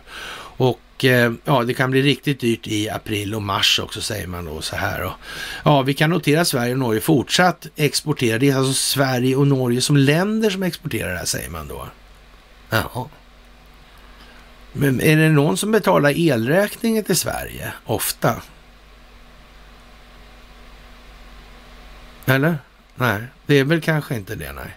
Det finns eh, några mystiska mellanhänder där på något vis. Det är ju lite, ja, det är häftigt att bli blåst, skrev någon med avseende på det här. Och det kan man ju faktiskt, ja, sympatisera med och den, den ironin i det här. Och eh, ja, vad ska vi säga, den här nedstängningssolidariteten som Fauci har uppvisat nu i belagd skriftform då i e-mails. Jag menar, nu är det ju inte så mycket bevänt med det där om man har hållit på på det viset. Det här är ju gått ut, det är ju uttryckt klart och tydligt nu att det här handlar om opinionsbildning. Det här har handlat om ett annat syfte bakom det här. Det är ju inte det här i sig själv. Visserligen har naturligtvis de berörda läkemedelsföretagen och så vidare gjort sin hacka då i vanlig ordning och det exponeras ju all önskvärd tydlighet och mening i den delen. Det är ju inget snack om. Men nu visar det sig att han har lite friserat han också. Som, den värsta, som vore han den värsta Adam Schiff helt enkelt. Och det är väl sådär va. Och eh, ja, en trevlig typ det där helt enkelt. Och hans kopplingar till Moderna, Bill Gates, Tedros, Umeå universitet, Knut och Alice Wallbergs stiftelse, Wuhanlabbet, Gensaxen och så vidare. Det är ju bara vad det är. Så. Jaha, det är dags för Migadags. Ja, och det är Make Iran Great Again alltså. Och det är ju, här är lite festligt alltså, för man, eh, ja, de här kärnkrafts diskussionerna som har varit alltså. Vad har allt det här sin grund? Men där, hur var det med Iran där och det var någon eh, vad säger jag, sanktion och Donald Trump sa någonting om 2016 där innan valet. Om Hillary och Ericsson. Va? Ja. Ericsson sitter ju i alla fall i samma koncern som en del andra företag gör. Va? Och de, de företag handlar om kärnkraft. Jag, jag tror de heter ABB. Va? Och men för all del Westinghouse också i det här. Så är det väl va? Siemens har en del med det här att göra också. Mm. Har Investor några styrplatser i Siemens? Ja, det kanske de har. Det kanske de har. Ja, det var ett gemensamt beslut att nu efter de här förhandlingarna avbröts då och de kristna högtiderna, julen kommer att sluta. Och ja, det kommer tillkännagivanden då från Irans sida, säger en Saed Kadibzadeh. Och eh, ministeriets talesman har kritiserat Storbritannien för att koppla förhandlingarna till framsteg till betalningarna av dess nästan 530 miljoner dollar stora skuld till den Islamiska republiken. På 70-talet slöt sidorna en överenskommelse om leverans av 1500 stridsvagnar till Iran. London levererade 185 alltså en tio, tiondel ungefär, lite drygt då. Stridsfordon vägrade därefter att leverera fler efter att den västerländska shahen Mohammad Rezi Pahlavi störtades under den islamiska revolutionen 79. Nu får man ju faktiskt vara lite ärlig och säga så att hela historien från 53 där med Mossadegh och det här, och hela shah-perioden, det var ju liksom en västerländsk eh, konstruktion. Alltså det började då 53 där med den här operation Ajax och den som skötte det här från underrättelsetjänsten, alltså, det var en som hette Kermit Churchill, eller Kermit Roosevelt. Va? Och eh, Kermit är det man brukar komma ihåg. Undrar varför. Ja, i alla fall så, men i alla fall, de tunga gubbarna bakom det där, det var naturligtvis bröderna Dall då. Det här var ju den verkställande handen i de här sammanhangen, den här CIA-operationen. Och sen när det inte vart Ja, och, och shahen han sa ju då att han eh, strävade ju faktiskt inte efter någon makt, inte mer än vad den svenska kungen hade då. Mm, kan, man, kan, kan man tänka på i det här då, då. Och han kände i alla fall till det här med svenska kungen och hans roll i de här sammanhangen. Det var ju alldeles uppenbart då. Och eh, på tal om det här med 1809 alltså. Och det här är ju lite bra att tänka på nu. Det, här, det, här, det är ju samma gäng som har hållit på hela tiden. Vi kommer tillbaka till de här, de här föreläsningarna som är jättebra att ni ber era vänner kolla på. Och det är ju en massa saker för den som inte kan någonting nu. Men, men det är ju det som är problemet, att folk inte kan någonting. Och hur ska man lära dem någonting? Det går ju inte med en mening. Det är helt omöjligt.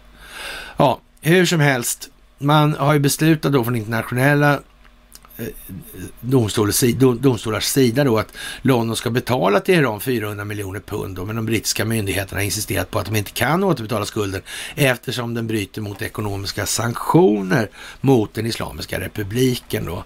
Och den brittiska regeringen talar bara om att betala tillbaka skulden och eh, ja, så att säga, kopplar det här till frams, ja, framgångarna i de här kärnkraftdiskussionerna, säger man då från Irans sida. Och det här kommer då ja, alldeles efter man har avslutat en massa sådana här diskussioner och sjunde samtalsrundan. Och det här kommer att bli bra och det är så att det här kommer att bli jättebra för Iran i förhållande till vad det varit. Och sen när då den här shah-historien tog slut så kom ju då ayatollorna då. Och när man lyfte på skägget på ayatollorna så stod det Made in London säger man då i folkmun då i de här sammanhangen. Och det var ju mycket riktigt så det var alltså.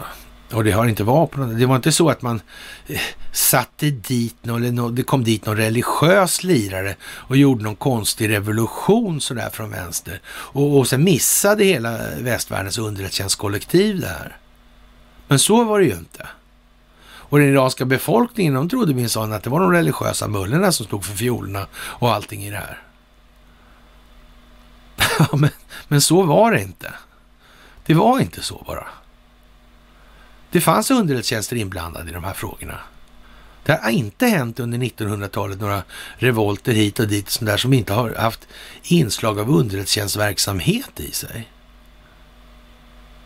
Konstigt nog, även om inte alla vill tro det alltså.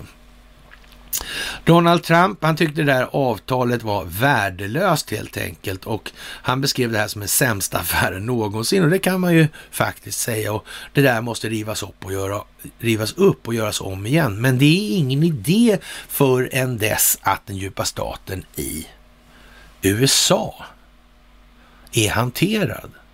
Och den är ju under hantering nu som vi kan se utspelas framför våra ögon. Så den här gången är förutsättningarna helt annorlunda. Och det kommer bli migga av det här alltså. Make Iran great again. Det är bara så. Och tänka sig, det har man varit med och planerat från Teherans sida. Ifrån de som motverkar den djupa staten. De har liksom inte missat det här. Och under schahtiden, det var inte så att man gjorde den här Operation Ajax som man tillsatte sharen och sen tyckte då bröderna Dall och gänget och eh, inte minst då Investor att nej, men nu är det lugnt, nu gör vi ingenting. Nu infiltrerar inte vi det här och ser till att cementera fast det här för tid och evighet. Det, det de i då. Man la inte rabarber på telekominfrastruktur och man gjorde ingenting sådant. Alltså ingenting, man bara struntade i allt sånt där. Visserligen ville man ha naturresurserna, men det hade ju schysste Jean liksom. Han hade ju lovat att... Eller vad då? Jaha. Det gäller att tänka till. Det gäller att ha tillräcklig saklig grund. När det handlar om de här perspektiven. Hela tiden. Och ja, de egna känslogrunderna och värderingarna. De är liksom inte mer värda än vad de bär till saklig grund. Det är ju inget mer. Det är inget svårare. Det är inte rymdödlor och inte eh, frekvenser. Jaha, och eh, det här är ju någonting som efterträdaren Joe Biden då, han uttryckte en önskan om att återuppliva det här kärnkraftsavtalet och det är ju naturligtvis bra om man gör det då i det här. Och, och ja, gör det livet lättare för Teheran. Och som sagt, han är, har inte så mycket att säga till om just nu. Han får göra alla saker som... Städningen är klar så långt. i Iran i det här laget. Så är det också. Det ska man komma ihåg nu. Det blir en god jul i det sammanhanget. Och eh, när det gäller Ukraina till exempel, eller överhuvudtaget kan vi väl säga så här. Eh, han, när det gäller Ukraina kan vi säga att Hultqvist, han, han skriver ju avtal med Ukraina då. Det innebär att då ska man skoja till det med Sverige här. De här har de inte rännskita soldaterna, de värnpliktiga, så blir de ju kränkta. Va? Det är ju liksom bilden som ligger nu. Och, och det är ju kanske inte sådär jävla hundra kanske, vad vet jag. Men eh, ja, lite mer allvarligt uttryckt då när det handlar om NATO och Ukraina och så vidare så ja, Moskva då tycker att om NATO, om USA, alltså om NATO avslår det här säkerhetsförslaget då så kommer Ryssland att tvingas skapa mothot då. Och Ryssland la ju fram ett säkerhetsförslag förra veckan som uppmanar då den västra alliansen att kassera sin militära verksamhet i Ukraina och andra före detta Sovjetrepubliker samtidigt som både NATO och Ryssland är skyldiga att inte placera ut medel och kortdistansmissiler i områden där de kan slå mot varandra då, inom skjutavstånd, inom räckvidden alltså. Och eh, Norges utrikesminister Anniken Huitfeldt har kallat listorna med förslag som Ryssland har skickat till NATO och USA ja, som innebär stopp för alliansens expansion österut och avlägsnande av vapen från medlemsländerna som ingår i blocket efter 97 då för orealistiska alltså. Ja, kraven är helt orealistiska dessutom, berättade Huitfeldt för en internationell sändningsstation eh, för NRK då, med argumentet att det skulle vara, det skulle som att vända 30 år tillbaka i tiden. Ja, kan man ju säga. Det är ju inte liksom, det här är inte kärnfysik direkt alltså. Och, och varför gör hon så här då, då, kan man ju undra då. Och eh, det här med de här länderna som går med i NATO. Varför gick inte Ryssland med i NATO? Varför ville man inte ha med dem för? Det hade varit jättebra, hade alla varit ett lag ju. Då hade det inte blivit någon konflikt där om alla var på samma lag. Varför ville man inte ha det så? Det är alltså inte, li, det är inte så lite goddag yxskaft över det här alltså. Alls, det är jättemycket. Enligt Huitfeldt är det helt upp till varje land att välja vilka internationella organisationer man ska vara medlem i och det kan ju äga sin riktighet naturligtvis. Och man vet inte. Det det är, viktigt för Norge, det är viktigt för före detta Sovjetrepubliken. De har valt NATO genom demokratiska beslut i sina nationalförsamlingar. Det må ju se ut så i alla fall. Det kan man ju hålla med om. Det kan man ju hålla med om i alla fall. Men hur det är egentligen? Ja, det är ju vad det är då. Det är ju vad det är. Finns den djupa staten i de här länderna? Finns den inte? Och när det gäller Norge, finns den djupa staten i Norge eller inte? Finns den i Sverige eller inte? Finns den i Danmark eller inte? Finns den i de gamla Sovjetrepublikerna eller inte? Vadå demokratiska församlingar? Hur är det där egentligen? Är det ens värt att reflektera över? Ja, det är det definitivt. Men eh, ger det inte bara ett löjets skimmer? Jo, det gör det. Det är bara löjligt. Det är larvigt. Dumt, helt enkelt. Jaha, och eh, som sagt, om USA då, då NATO avslår det här säkerhetsförslaget från rysk sida kommer Ryssland att tvingas skapa mothot och det är ju en upptrappning i det här. Och det är klart, det kanske behövs. Och det är klart att det är pigg situation i Bagdad. Underlivsporslinet sitter eh, rassligt till när det gäller Ukraina. Inte minst genom sin son. I så mått. Inte minst genom Uranium One-affären. Inte minst genom House of Sweden, eller vad säger man? Ja. Men det finns så det räcker, då blir det över i det här. Så är det. Jaha. Och eh, ja, eh, biträdande utrikesminister Alexander Grushko som säger att Ryssland kommer att tvingas att vidta åtgärder för att skapa ett system med mothot om USA och NATO avvisar Moskvas säkerhetslag. Är Joe Biden beredd att göra det här då? Ja, men han kan ju inte hålla styrning på sina egna generaler ens. Eller kanske han inte ens är överbefälhavare? Nej, det är han ju inte, men uppenbart att han inte är det. Den här militära charaden är ju vad den är. Mm. Och det är uppenbart nu. Så är det. Och det här militära, det är ju till syvende och sist när det inte längre finns möjlighet för schackrande om strafflindring och så vidare och så vidare. Angiveriet. Nergolningarna.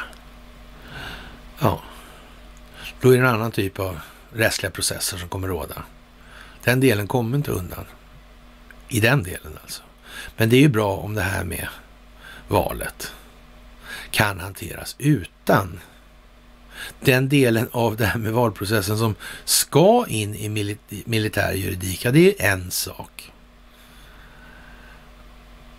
Men om det kan slippa det så är det ju bra också.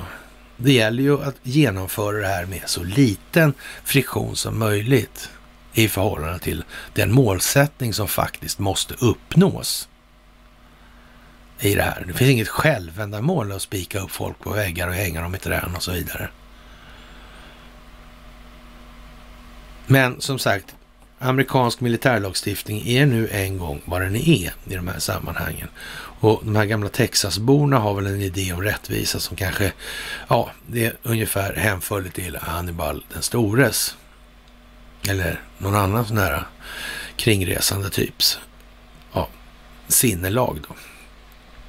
Ja, jaha, och eh, det är mycket sånt här naturligtvis. Och eh, Moskva tycker å sin sida då att man behöver ett snabbt svar från USA om de här säkerhetsgarantierna. Det är ju lite bra och det är för folkbildningens skull. Det ska gå undan nu. Det här ska inte dras i någon jävla långbänk alltså. Det kommer att tolkas som att man håller på och förhalar och det är inte aktuellt helt enkelt. Och eh, ja, man säger från då rysk sida då att eh, från Sergej Ryabkovs sida att Washington ska ge ett omedelbart svar på förslagen om säkerhetsgarantier och betonat att situationen kring Ryssland-USA-relationerna är svår. Jag tror inte det kommer bli någon vägran från USA som sådan, men det kommer att göras ett försök att lägga till alla möjliga önskemål, villkor, alla möjliga ytterligare idéer bara för att kasta över bollen på vår sida, säger han då. Och han noterar att Washington kommer att försöka bromsa förhandlingsprocessen, men konstaterar att Moskva behöver ett svar svar så snart som möjligt eftersom situationen kommer att försämras nu här. Det vet man ju alltså att den kommer att göra. Den kommer ju att göra det och det här kommer ju att trappas upp naturligtvis. Och det är ju klart att den bilden som den amerikanska befolkningen kommer få av sin, ja, vad vi ska säga, resident då. Han residerar ju bara där till namnet. Ja, är det då någonting som tänker de gå i krig för de här jävla dårpippi-grejerna eller? Nej, det tänker de inte göra då. Då har de kommit så långt. Det är helt säkert. Och det här blir jul att minnas, så är det bara. Helt jävla säkert. Jaha, det är ju eh, ja, man, från rysk sida har man ju publicerat två utkast till avtal om säkerhetsgarantier från Ryska federationen då och den kommer ju då, fördrag mellan USA och Ryssland om säkerhetsgarantier heter då och då man för, föreslår juridiskt bindande åtaganden från Moskva och Washington att inte placera ut vapen och styrkor i områden och de kommer utgöra ett hot mot varandras nationella säkerhet då. Och eh, ja, plus en massa andra grejer, eller en del andra grejer i alla fall sådär. Och eh, det här blir ju naturligtvis otroligt spännande och det här är ju ägnat som kuliss för den här optiken. För att människor ska förstå, för att människor ska se, för att människor ska reagera i en viss given riktning som bättre beskriver verkligheten. Det är så det måste gå till. Det finns inget att välja på helt enkelt. Och då är det alltid bra med lite sådana här pigga prylar, de här fem procenten som egentligen är i princip helt obetydliga. Va? Det handlar om informationshanteringen. Det handlar om det moderna krigets tre beståndsdelar med sina respektive underdelar, grunder i det här. Och det här kan ni nu. Helt säkert. Jaha, EUs utrikeschef Josef Borrell, han har en idé om att eh, ja, det här med exkluderar man då Bryssel från de här förhandlingarna och så vidare, det, det, då är det inte bra alltså. Och, och, det kan man väl säga så här, det i sin tur säger så här, men, men vänta nu här, säger den amerikanska befolkningen då kanske. Vad tycker de egentligen? Vad fan, EU, vad fan har de med saken att göra? Det verkar inte så bra. Ska, vi ta, ska de amerikanska skattebetalarna betala för all skit som finns på hela jorden eller? Och de där jävla dårarna har ju inte gjort någonting. Två världskrig har de inte ens lyckats klara utan har ju amerikanska människor offrat livet i det där. Jag menar, man kan ju inte säga att den amerikanska befolkningen drog den stora ekonomiska nyttan av verksamheterna som utvecklades eller utspelades i olika länder i Latinamerika eller på den europeiska kontinenten och så vidare. Men vad var det för några som gjorde det då? Mm, det var ju någon jävla eh, land som heter Schweiz eller något sånt där. Eller kanske Nors... Eller ja, så kanske eller sådär. Mm. De kommer haja. Helt säkert. Jaha. Och eh, ja, Ukraina är ju vad det är i de här sammanhangen naturligtvis. Och det, det, det är den viktiga grejen då i de här sammanhangen då. Och mm, från EUs sida hävdar man då att alla ryska åtgärder mot Ukraina och dess suveränitet skulle få allvarliga konsekvenser. Och man hoppas då från EUs sida om att USA inte kommer tillåta att Bryssel utesluts från samtal om säkerhet. Ja, man kan ju säga så här att eh, ja, utan USA då kan ju faktiskt Ryssland i godan ro skita i precis allting av det här. Och, och Ryssland behöver inte ens bry sig om EU i de här sammanhangen. Det är ju så också. Det är ju liksom inte, eh, ja, det är ju inte Ryssland som sitter kort på bra, kort, med, kort på trumf nu alltså. Det, det är inte så alltså. Faktiskt, inte alls. Så man får ju liksom tänka, hur fan ser det här ut egentligen? Men det ska ju bullras och det ska skapas kulisser i det här. Och ja, av en händelse så verkar det bli lite grann som när amerikanerna inte får resa in i Israel eller längre. Som till följd av covid-19. Det är ju konstigt. Mm, det verkar vara som att det är något stort på gång med Israel, EU, NATO. Jag tror vi har sagt det faktiskt. Visserligen har vi varit de enda som har sagt det hela tiden så länge. Men, men det verkar ändå på något vis som att det har någonting med verkligheten att göra. Det verkar ligga lite i farans riktning. Diskret lite. Pyttelite bara. Ingenting knappt. Ja, ja, men så då. Och eh, de här grejerna är ju då... Ja, det är ju stora prylar alltså. Det kan ju inte, har ju aldrig funnits större så. Någonsin. Det här är hela världen som står på spel och gungar. Och, och så måste det bli. Och då får man tänka sig, vem fan har ställt till allt det här? Vem i helvete är det som har fått till det så här konstigt? Ja. Det var inte Sven Duva i alla fall. Eller rättare sagt, det kanske var Sven Duva. Det var Sven Duva i sin roll som förfader till den befolkning som dömdes till upptäckten av att dess välstånd hade offrats på den falska solidaritetens altare. Kan det vara så? Det kan vara så. Återigen. Alternativrörelsen får fan kamma till sig nu alltså. Det här är fan löjligt. Det är rakt ut är det löjligt. Alltså det är skamligt ta med fan att folk håller på som de gör det här. Det är inte svårt att analysera det här och bryta ner det. Det är bara som det är. Och det går bra att titta klart på det hur lätt som helst för alla som tänker efter. Ja, det är ju tråkig historia det här. Och eh, man säger ju då att från ja, västmakternas sida, eller där, Atlantpakten då, så ja, vad ska vi säga? Det är ju Ryssland som gör, gör sig beredda då att invadera Ukraina. Och det, det är ju liksom, det är vad det är. Va? Och utan västerländsk press i farten som de har varit i farten, då är det ju inget att hoppas på med sådana där grejer. Så nu kommer insatsen kommer ju att komma mot västerländsk press nu. Så. så är det ju också. det här stora hornet som man ser vikingar blåsa i eller i Sagan om ringen eller så. Det tycks vara något sånt där alltså. Det tycks vara signalverkan någonstans. Det tycks vara informationshantering, värdeladdning i signaler och så vidare som verkar vara den viktiga delen. Då. Jaha, och eh, vad ska vi säga? Talmannen tog stadsflyget i Östersund, kostar 75 lax.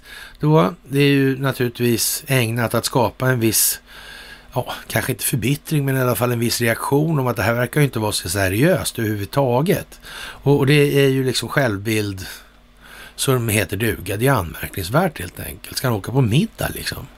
För 75 lax? Ja, vi har jävla middag. Ja, ja. Och eh, ja, det fanns då faktiskt då på programmet då invigning av riksdagens turnerade utställning om demokrati och festmiddag i landshövding Marita Ljungs residens i Östersund då. Det kan man ju, ja. Och det är ju lite sådär. Apple stämmer Ericsson i patenttvist. De har just klarat av tvister angående licenser och nu kommer det nya. Men nu är det ju så här med den här immaterialrättsliga historien. Det är vad det är helt enkelt. Det är någonting som är ett jävla kalanka akvarium i Ankdam, menar jag, förlåt. Naturligtvis. Ja, i det här landet. Och eh, ja, den här gången är det inte säkert det går lika bra för Ericssons vidkommande. Det är nästan helt säkert att det inte går så bra faktiskt. Jaha, och eh, ja, vad ska vi säga? Omikron är alltså inte ett dugg farlig då, då ungefär som en vanlig förkylning och det är väl enligt den data man hänvisar till då. Och Eh, samtidigt eh, extremt smittsam och tar sig runt vaccininducerat skydd och sen ger en bred naturlig immunitet och då borde man kanske öppna upp då istället för att stänga ner. Vore inte det lättare? Den är inte så farlig. Nej. Verkar komma som en skänk från ovan, helt enkelt. Kan det vara tänkt så? Ja, kan det vara tänkt så? Hur mycket har någon tänkt då, den som har planerat allt det här? Hur vet man det eller? Är det kanske poängen med det här att man inte vet det? Eftersom vi har hamnat där vi har hamnat på grund av att vi är som vi är. Så kanske det är en förändring man måste få till. Då går det nog inte att tala om innan vad man ska Kan jag få lösningen? Ja, och då får man bara lust att bara, men din dumma jävel. Varför då? Vad ska du med den till? Du begriper ju inte problemet utan att jag talar om det för dig. Och då tycker du att du ska få en lösning på någonting du inte förstår är ett problem. Men det verkar ju lovande. Det blir nog jättebra det här skulle du säga. Ja, och så vidare då. Ja, ni vet ju ungefär hur det här har gått till. Finsk folkbildning slår ett slag för finnarna. De vill ta på sig ledartröjan i det här, så de föreslår att eh, utvid, eller, ja, användningen av eh, covid, covid, covid-intyg utvidgas och ska kunna användas även då inga restriktioner är i kraft. Och det är ju klart att, ja, vad ska vi säga? Eh, det här var ju naturligtvis en konspirationsteori när det dök upp, men, men nu är det ju uppenbarligen inte det och ja, tralala liksom. Ni förstår ju själva hur illa det här är. Och eh, vad ska man säga, man säger i Dagens Industri har jag för mig att det är den svenska dag, SVT var det, att eh, tidigare har varit smittad med coronavirus och kan ge bättre skydd mot deltavarianten än två doser av Pfizers vaccin enligt ny studie, men en dålig idé att därför dra, sig på, dra på sig smittan med flit varnar forskare då. Och det här liksom under rubriken då covid-skydd smitta gav bättre skydd än vaccin. Det är ju så att säga en där har man valt väg helt enkelt i det här. Det är ju en om, man svänger i det här nu. Och, och det får ju kon, till konsekvens då att det blir massa följdverkningar i det här och det ser vi ju nu rakt framför näsan att det håller på att ta i en helt annan riktning helt enkelt. Ja, och vi repeterar då i det här att svenska lagar stoppar framtidens kärnkraft och det handlar om de här små kärnkraftverken alltså. Experter varnar för att Sverige halkar efter när framtidens små smarta kärnkraftverk snabbt realiseras i land efter land. Tekniken är här men svenska lagar har inte hängt med. Det behövs en översyn av lagstiftning och regelverk i närtid säger Anton Sten på Fortum och det här har vi varit på tidigare. Och hur är det med den här radioaktiviteten egentligen? Det är en annan fråga som också måste belysas i det här och som kommer att belysas och därför finns det sådana här halsband och sådana här grejer nu som är radioaktiva för att få upp det här lite grann då. Och eh, vaccinpassen för oss mot kontrollsamhället i Aftonbladet är naturligtvis någonting som gör att vändningen kommer när den kommer och den måste komma. Så, det, det, det är ju så. Och där är vi nu. Och det är också en sån sak som är markör för att vi faktiskt befinner oss där vi finner, eller befinner oss och ingen annanstans. Det behöver man inte heller vara så där jätteorolig för i det här läget. Det är helt tydligt numera.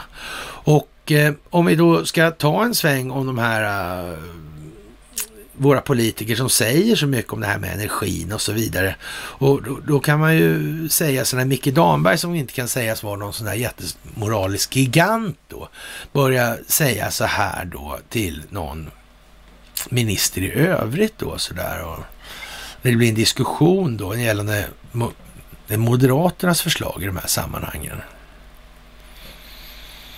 Mm. Han säger så här då. Ett förslag som jag fortfarande vill förstå, alltså Moderaternas förslag då, säger han och frågar hur man kan vara säker på att konsumenterna gynnas och inte elbolagen. Vänta. Vem är det som gynnas nu då? Är det verkligen nödvändigt att man ska gå så mycket längre? Nu säger ju Damberg så här, men då har du väl, om det är så nu.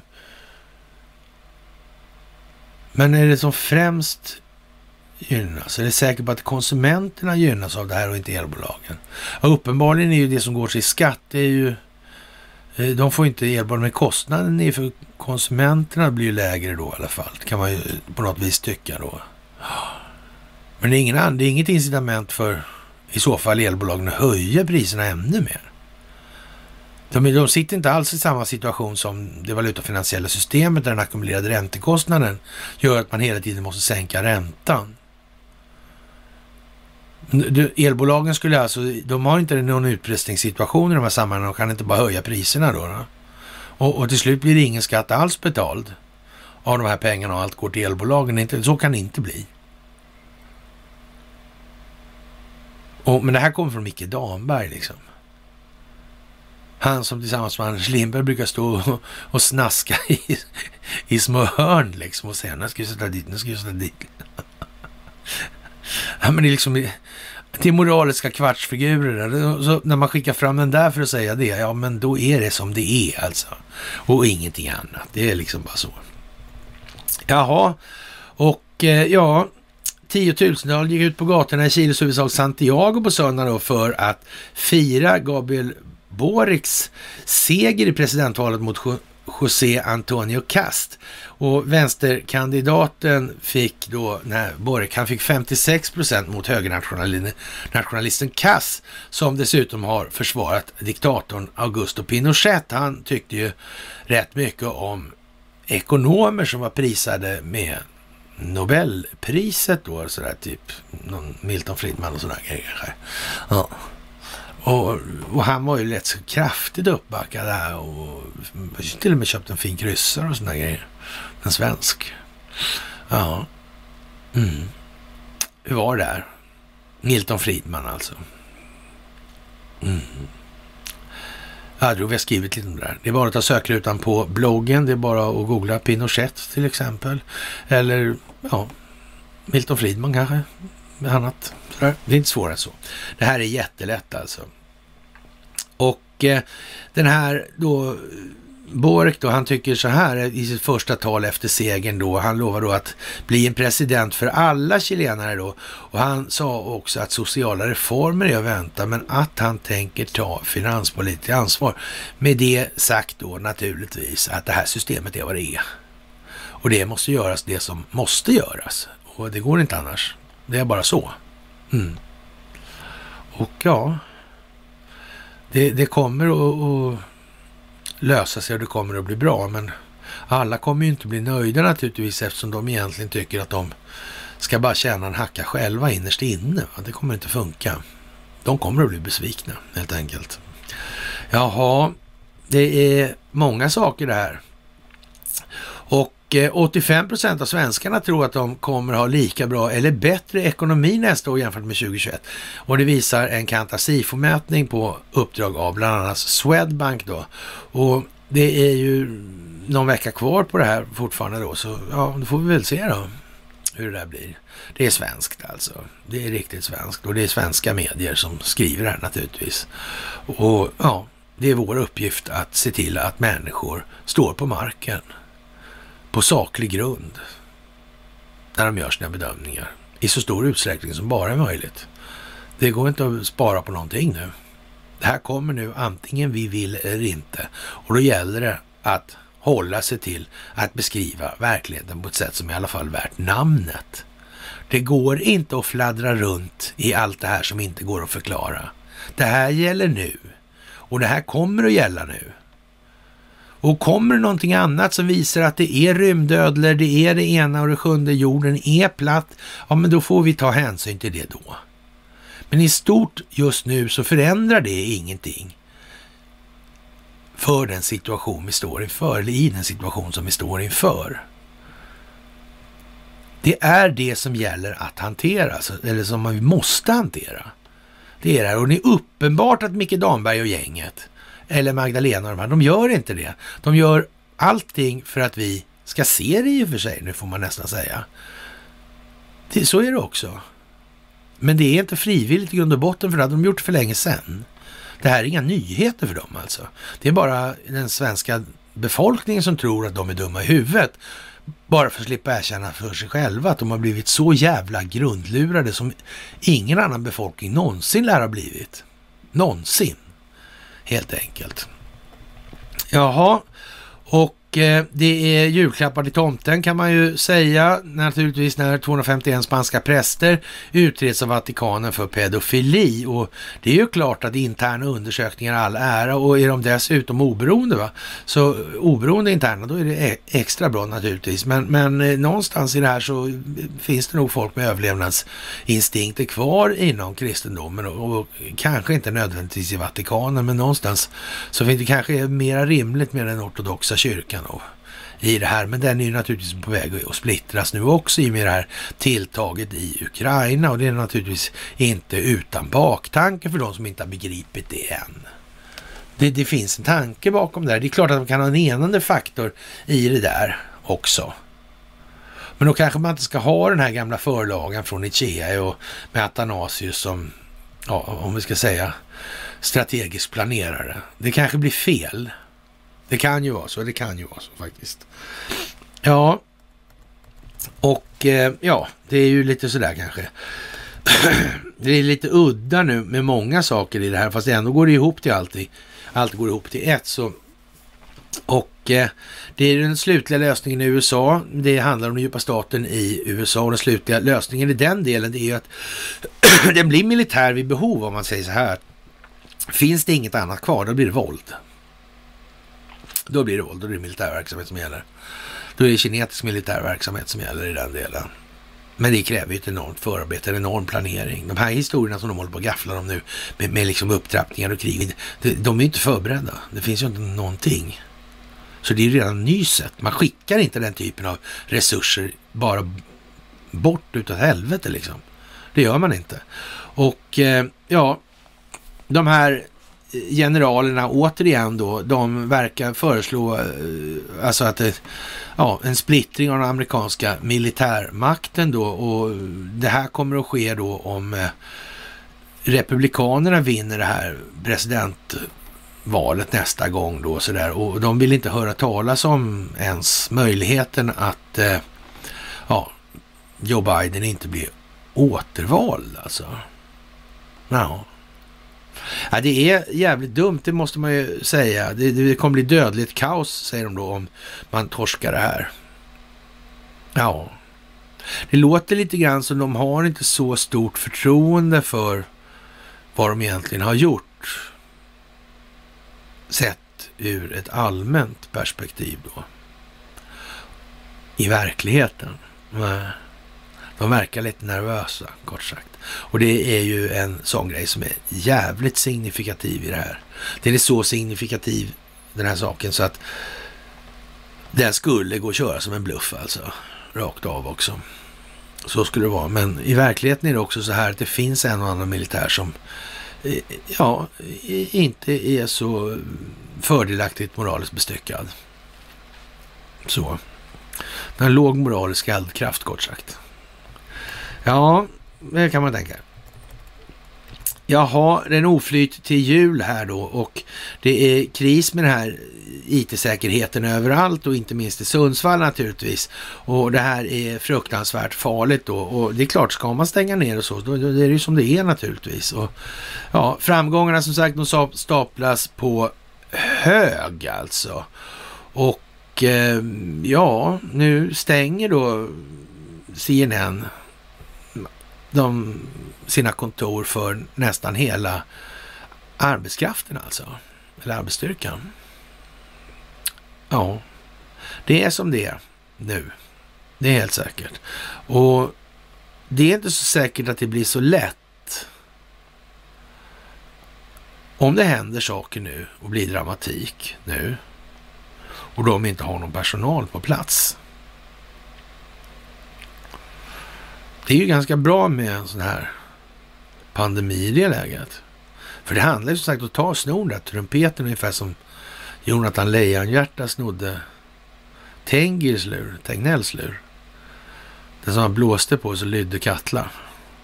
Draken alltså, den amerikanska utrikesdepartementet, amerikanska vita handen, alltså verkställande handen. Det är lite samma tema hela tiden i de här sagorna, inte konstigt. Kan någon ha tänkt.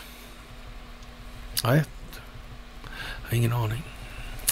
Jaha, och när man kör upp Jan Eliasson då i, ja, när det gäller då eh, UNHCR och de här grejer, då, jag vet inte om man ska uppmana folk att ge en julklapp. Jag är inte så säker på att det där är eh, ett effektsökeri som de är med på själva. Alltså.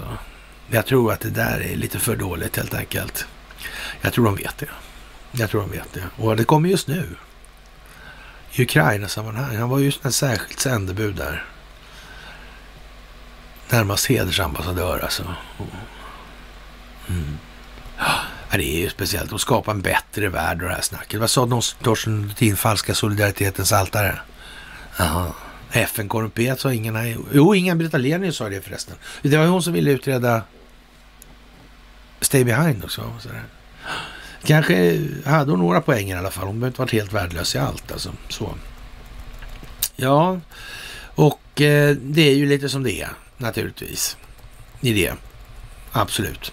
Och Alibaba har ju eh, naturligtvis sin del i det här och Pekings attack på techsektorn framstår i väst som ren politisk maktutövning naturligtvis. Men bakom det här ligger något långt mer genomtänkt och målmedveten plan som inte ska underskattas, skriver man då i Svenska Dagbladet. Alltså det här. Och eh, ja, det är ju naturligtvis som det är. Det här är vad vi har beskrivit hela tiden. Det rullar upp sig nu, varenda jävla nyhet ser ut som den gör och de går in och passar in i samma mönster. Om man bara förstår det här med att det är reflexiv kontroll. Det är metoden i det här. Ja, och man använder det strategiskt. Man har en lång planläggning. Det här ska följa på det där, på det där, på det där, på det där och så vidare. Nyhet på nyhet. Och det går inte annars. Man måste planera det här lång tid i förväg. Inte när Donald Trump blir president. Det, det är kört. Det är årtionden i förväg man måste ligga i det här. Alltså frågan är hur många årtionden det handlar om. Det är väl det som är ja, så att säga, den möjliga frågan i så mått. Då. Och det är, ja, det är rejält helt enkelt. Och eh, ja, vi ska väl hoppas på att det här går så smärtfritt som möjligt faktiskt. Och nu har vi kört det här baklänges igen eh, och, och det är ju lite sådär, eh, ja, nu är det ju samma sak. Det spelar ju ingen roll om vi, vi kan ju köra åt sidan också om det är så alltså. Det är ju så. Vi är ju otroligt eh, långt framme i det här i det här landet och det är klart när Skagen Fonder presenterar ett gäng då som ska då eh, hålla låda då på, och det är Stiglitz som är nobelpristagare, det är Hillary Clinton och så vidare. Som, det, det är ju som, eh, ja, det är som ett smörgåsbord av dårar alltså. Det, hur kommer det här sig? Att man håller det här. Nu är det ju för sig på internet så vet jag förstått saker, men ja. Skagenkonferensen. Nyårskonferensen är digital och gratis också. Ja. Tror de, är det någon som tror de gör det där frivilligt överhuvudtaget? Finns det ens en möjlighet att de gör det där frivilligt? Nej, det gör det inte. Det finns ingen som helst möjlighet faktiskt. Covid-kaos i England, stryktipset inställt. Hur är det med den här institutionaliserade korruptionen inom fotbollen? Var det någon som sa någonting? Var det någon engelsk professor och expert på det här spelverksamheten och korruptionen? Kan det här liksom stryktipset, kan det vara någon sån här del av det här, hela den här apparaten? Kan det vara så? Eller är det helt omöjligt? Jag vet inte faktiskt. Det får man ju se helt enkelt. Och eh, ja, när Kamala Harris börjar bli motarbetad, eller så opinionsbildningsmässigt motarbetad i vart fall, kan vi säga, av Wolfgang Hansson. Men då är det väl som det är helt enkelt. Är det inte det? Man, man kan väl inte gärna tro liksom att Wolfgang har ja, drabbats av väckelse liksom. Det är ju, ja, kan man väl säga så här att ställer Biden upp 24 är eh, då Kamala Harris då är fortfarande vicepresident som kompletterar honom väldigt bra. Men nu ska man göra klart för sig att hennes siffror är vad de är alltså. Och, och ja, och, och, ja, och det verkar inte vara så jävla ljust för i de här sammanhanget då. Men ja, och eh, då, då är hon en bra kort i alla fall om Biden skulle ställa upp. Och, ja, och Wolfgang har ju svårt att se varför han skulle vilja byta ut den mot ett osäkert kort. Däremot får Demokraterna stora problem om inte Biden ställer upp som det ser ut idag. Är Harris ingen kandidat överhuvudtaget alltså. Och hon kommer att utmanas big time alltså. Å andra sidan har man ju inte gärna tre år, tre år på sig att bli populär då kan man ju säga så här. Och, eh, ja, verkar det här vara de tiderna då i det här systemet som man, man liksom har chansen att bli populär när man vill gynna de enskilda vinstmaximeringsintressena när ljuset på verk från verkligheten går på besök. Känns det jävligt trovärdigt? Ja, men alla förstår liksom. Eh, Fattar inte Wolfgang Hansson de här sakerna tror jag? Är det någonting han inte begriper? Eller kan det ha någon annan anledning till att han skriver som han gör? Alltså, mm. Det, varken Expressen eller Aftonbladet eller Svenska Dagbladet Dagens Nyheter har så där jävla mycket att säga till om just nu alltså. Det, det är, måste man nog faktiskt förstå. Och det här är planerat, det är koordinerat. Det är också helt säkert. Och eh, ja, det är ju lite udda kanske. Och ja, Man börjar börjar på SVT tala om sju faktorer som gör människan vis, va? Med då tre vise männen och, och sådär. Och Ja, vad är visdom för någonting? Ja, det är hela lidande så här. Eh, går det att bli vis då utan närvaro av några känslor överhuvudtaget? Ett liv utan känslor, är det värt så mycket då? Om, eller hur är det där alltså? Mm. Och det här, vad, vad är själen för någonting? Vad är självet i förhållande till själen? Vad är egot i förhållande till självet? Ja, egot centrerat. Ja, egocentrerad då. Ja, och ju mindre roll för självet som egot spelar, desto mindre egocentrerat blir självet. Och den här förändringen då, det är ju själen då. då. Det är rörelsen, förändringen över tid alltså. Självet är ögonblicksbilden av själen över tid. Själen är dynamik, den är rörlig. Den har med känslor att göra. Den har med känslogrunderna och värderingar att göra. Hur vi ser på oss själva. Hur ser vår självbild ut? Hur uppfattar vi den? Vad fylls vi av för känslor när vi är uppriktiga mot oss själva? Är vi stolta över det vi ser? Glada? Högmodiga? Anledning till att vi är det ena eller andra, vad är det för någonting då? Åh, oh, då blir jag beundrad, bekräftad och så vidare. Är det där? Ja. Eller är jag kanske rätt glad över att, nöjd över och förnöjd rent utav. Över att se att jag gör andra människor glada. Kan det vara värt något överhuvudtaget? I andra änden på lojalen så förstår man då, eller många förstår i vart fall att ja, ensam med alla jordens materiella tillgångar, ensam på jorden med dem. Nej, det verkar inte vara så där jävla kul alltså. Rolex-klockorna skulle man ta så många på så man skulle inte åka runt så snabba bilar och sådana här Det var var helt säkert. Frågan är om man skulle ta liv av sig kanske man skulle göra det, för då var det ju som det var liksom. Många skulle göra det i alla fall. Det är svårt att finna meningen då utan andra människor. Så är det. Så i någon mån beroende av andra människor också. Även om man i sig måste hitta tillräcklig trygghet i sig själv för att acceptera andra människor. Att inte bara vara fylld av egot i självet och vara självisk. Egocentrerad. Det är värt att fundera lite på det där faktiskt. Det är inte världens mest ja, framstående ämne i befolkningen i stort då kanske man kan säga. Svenskarna är naturligtvis rekordrika också då. Trenden spås hålla i sig och man orkar inte ens kommentera det där utan det är ju någonting att bara fnissa åt lite lätt sådär, eller hånle ska man väl kanske säga att det är. Snarare och eh, ja, och så har vi vikingarna och det är avföring från gamla får som avslöjar vikingamynt och alla de här historierna med vikingarna och seglingskonsten och, och orienteringen till sjöss och sådana här grejer. Det är ju sådana saker som inte riktigt har beskrivits till fullo för oss.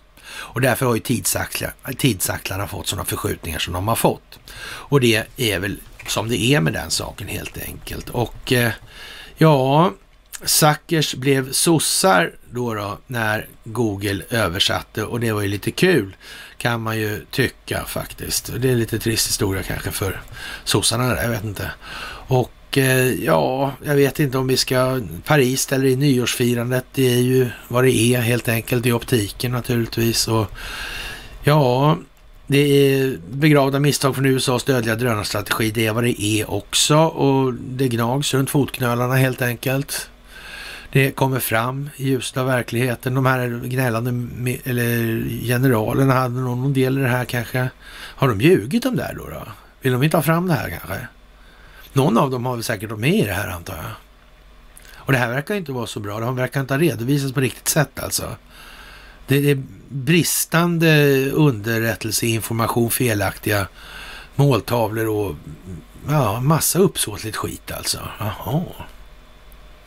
Och sen skriver de sådär alltså. Är det, det är inte så att de är rädda för någon, ja så att säga, påföljd för de här misstagen som har begåtts i de här olika sammanhang, de här krigsbrotten och så vidare. Övergreppen. Det är ingen risk. Nej. Nej, men det lär visa sig alltså. En annan kul grej naturligtvis är swingersklubben i svenska bibelbältet och det är ju naturligtvis, den drivs ju av Hefner Lidman. Ja, det är ju perfekt alltså lidelsefull typ alltså och stor villa och magen var inte mindre då och han såg inte ut att så att säga lida mm, ja, några, någon, ja, undernäring såg han i och för sig ut att kunna ha men han var i alla fall hade en viss rondör helt enkelt och inte, överty- inte kanske helt övertygande pondus bara så här. Men poängen med den här var ju naturligtvis det här då att han hade en swingersklubb då. Dit söker sig poliser, företagsledare och vanliga arbetare för att ha sex med varandra. Och det där är ju lite sådär speciellt. Hur är det egentligen med samhället? Ska, ska äh, människor i förtroendepositioner då Ska de bedriva den typen av verksamhet då? Är det bra? Är det rimligt då att de faktiskt kan utsätta sig själv för en viss utpressningsrisk i det här. De kan ju gå dit med damen, men det är inte säkert att det är den damen de är gift med och sådana här grejer. Och det där kan ju liksom bli förvecklingar och hur ska man hålla koll på det där liksom? Man vet ju inte hur illa någon tar vid sig och blir utsatt för det här och så vidare. För det är väl inte så att man bedriver den typen av verksamhet på den typen av inrättningar. Någon skulle väl inte tänka så i alla fall. Poliser till exempel, det verkar ju inte, det verkar ju inte vara dugg lämpligt helt enkelt. Det verkar ju faktiskt rätt dumt. Ja. Olämpligt faktiskt. Var drar man gränserna? Borde någon ha tänkt på det här? Vad är rimligt egentligen i det här? Det där måste man fundera lite på. Det där är inte riktigt så banalt som folk kanske i allmänhet tycks tro då numera. Jaha, och det är ju mycket det svenska rättssystemet såklart alltså. Och svensk materialrätt och patenträtt är misskött och det är ju så att vi får ta en tugga i taget. Det här är ju inget nytt naturligtvis, det har varit så alltid. Och eh, hur kommer det sig att fortfarande ingen annan har lyft fram det här? Varför lyfter man inte det här? Spelar det ingen roll? Ja, finns det de i de här alternativmedierna som till och med har patent själva kanske? Ja, men då blir det väl ändå lite svårsnackat, är det inte så? Det verkar väl lite sådär kanske. Om nu det här lyfts upp nu, ja då är det så, ganska lätt att förstå varför sådana som kanske har patenträttigheter och sådär inte har lyft någonting. Det kan man ju fatta. Det är, det är ju egen sak liksom. Det är inte så mycket att diskutera om. Det men, men frågan är, är det bra för samhället? Är, är det tillrådligt att då liksom den här människan som, är, är det liksom är det den så att säga, infallsvinkeln på saken, gör det att liksom andra perspektiv kanske påverkas då eller? Nej, det finns ingen sån risk överhuvudtaget. Ja, ni hör ju själva, det är ytterligt jävla retoriskt frågat. Jaha, och eh, Vetenskapsakademin har gjort ett intellektuellt haveri och det är ju rätt så speciellt helt enkelt, får man ju säga när man skriver så på DN Debatt. Och ja, vad ska man säga, beteendevetenskaplig forskning pekar på att tvång istället ökar benägenhet att trotsa regler. Ja, man kan ju säga att utan regler så finns det ju inget tvång och då är ju så att säga benägenheten att trotsa, den är ju vad den är då, den är noll, för det finns ingenting att trotsa. Det är helt givet.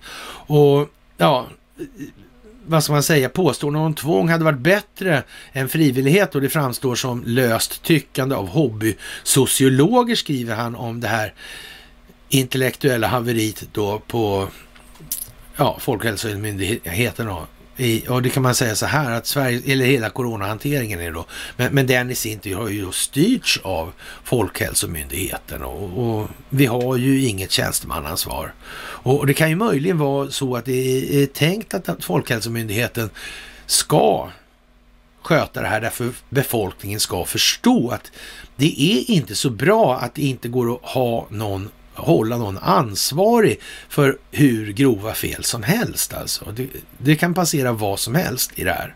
Och det är kanske ingen bra idé. Och det kan möjligen vara det, en av sakerna till, eller anledningarna till att Robert Bryan sa som han gjorde.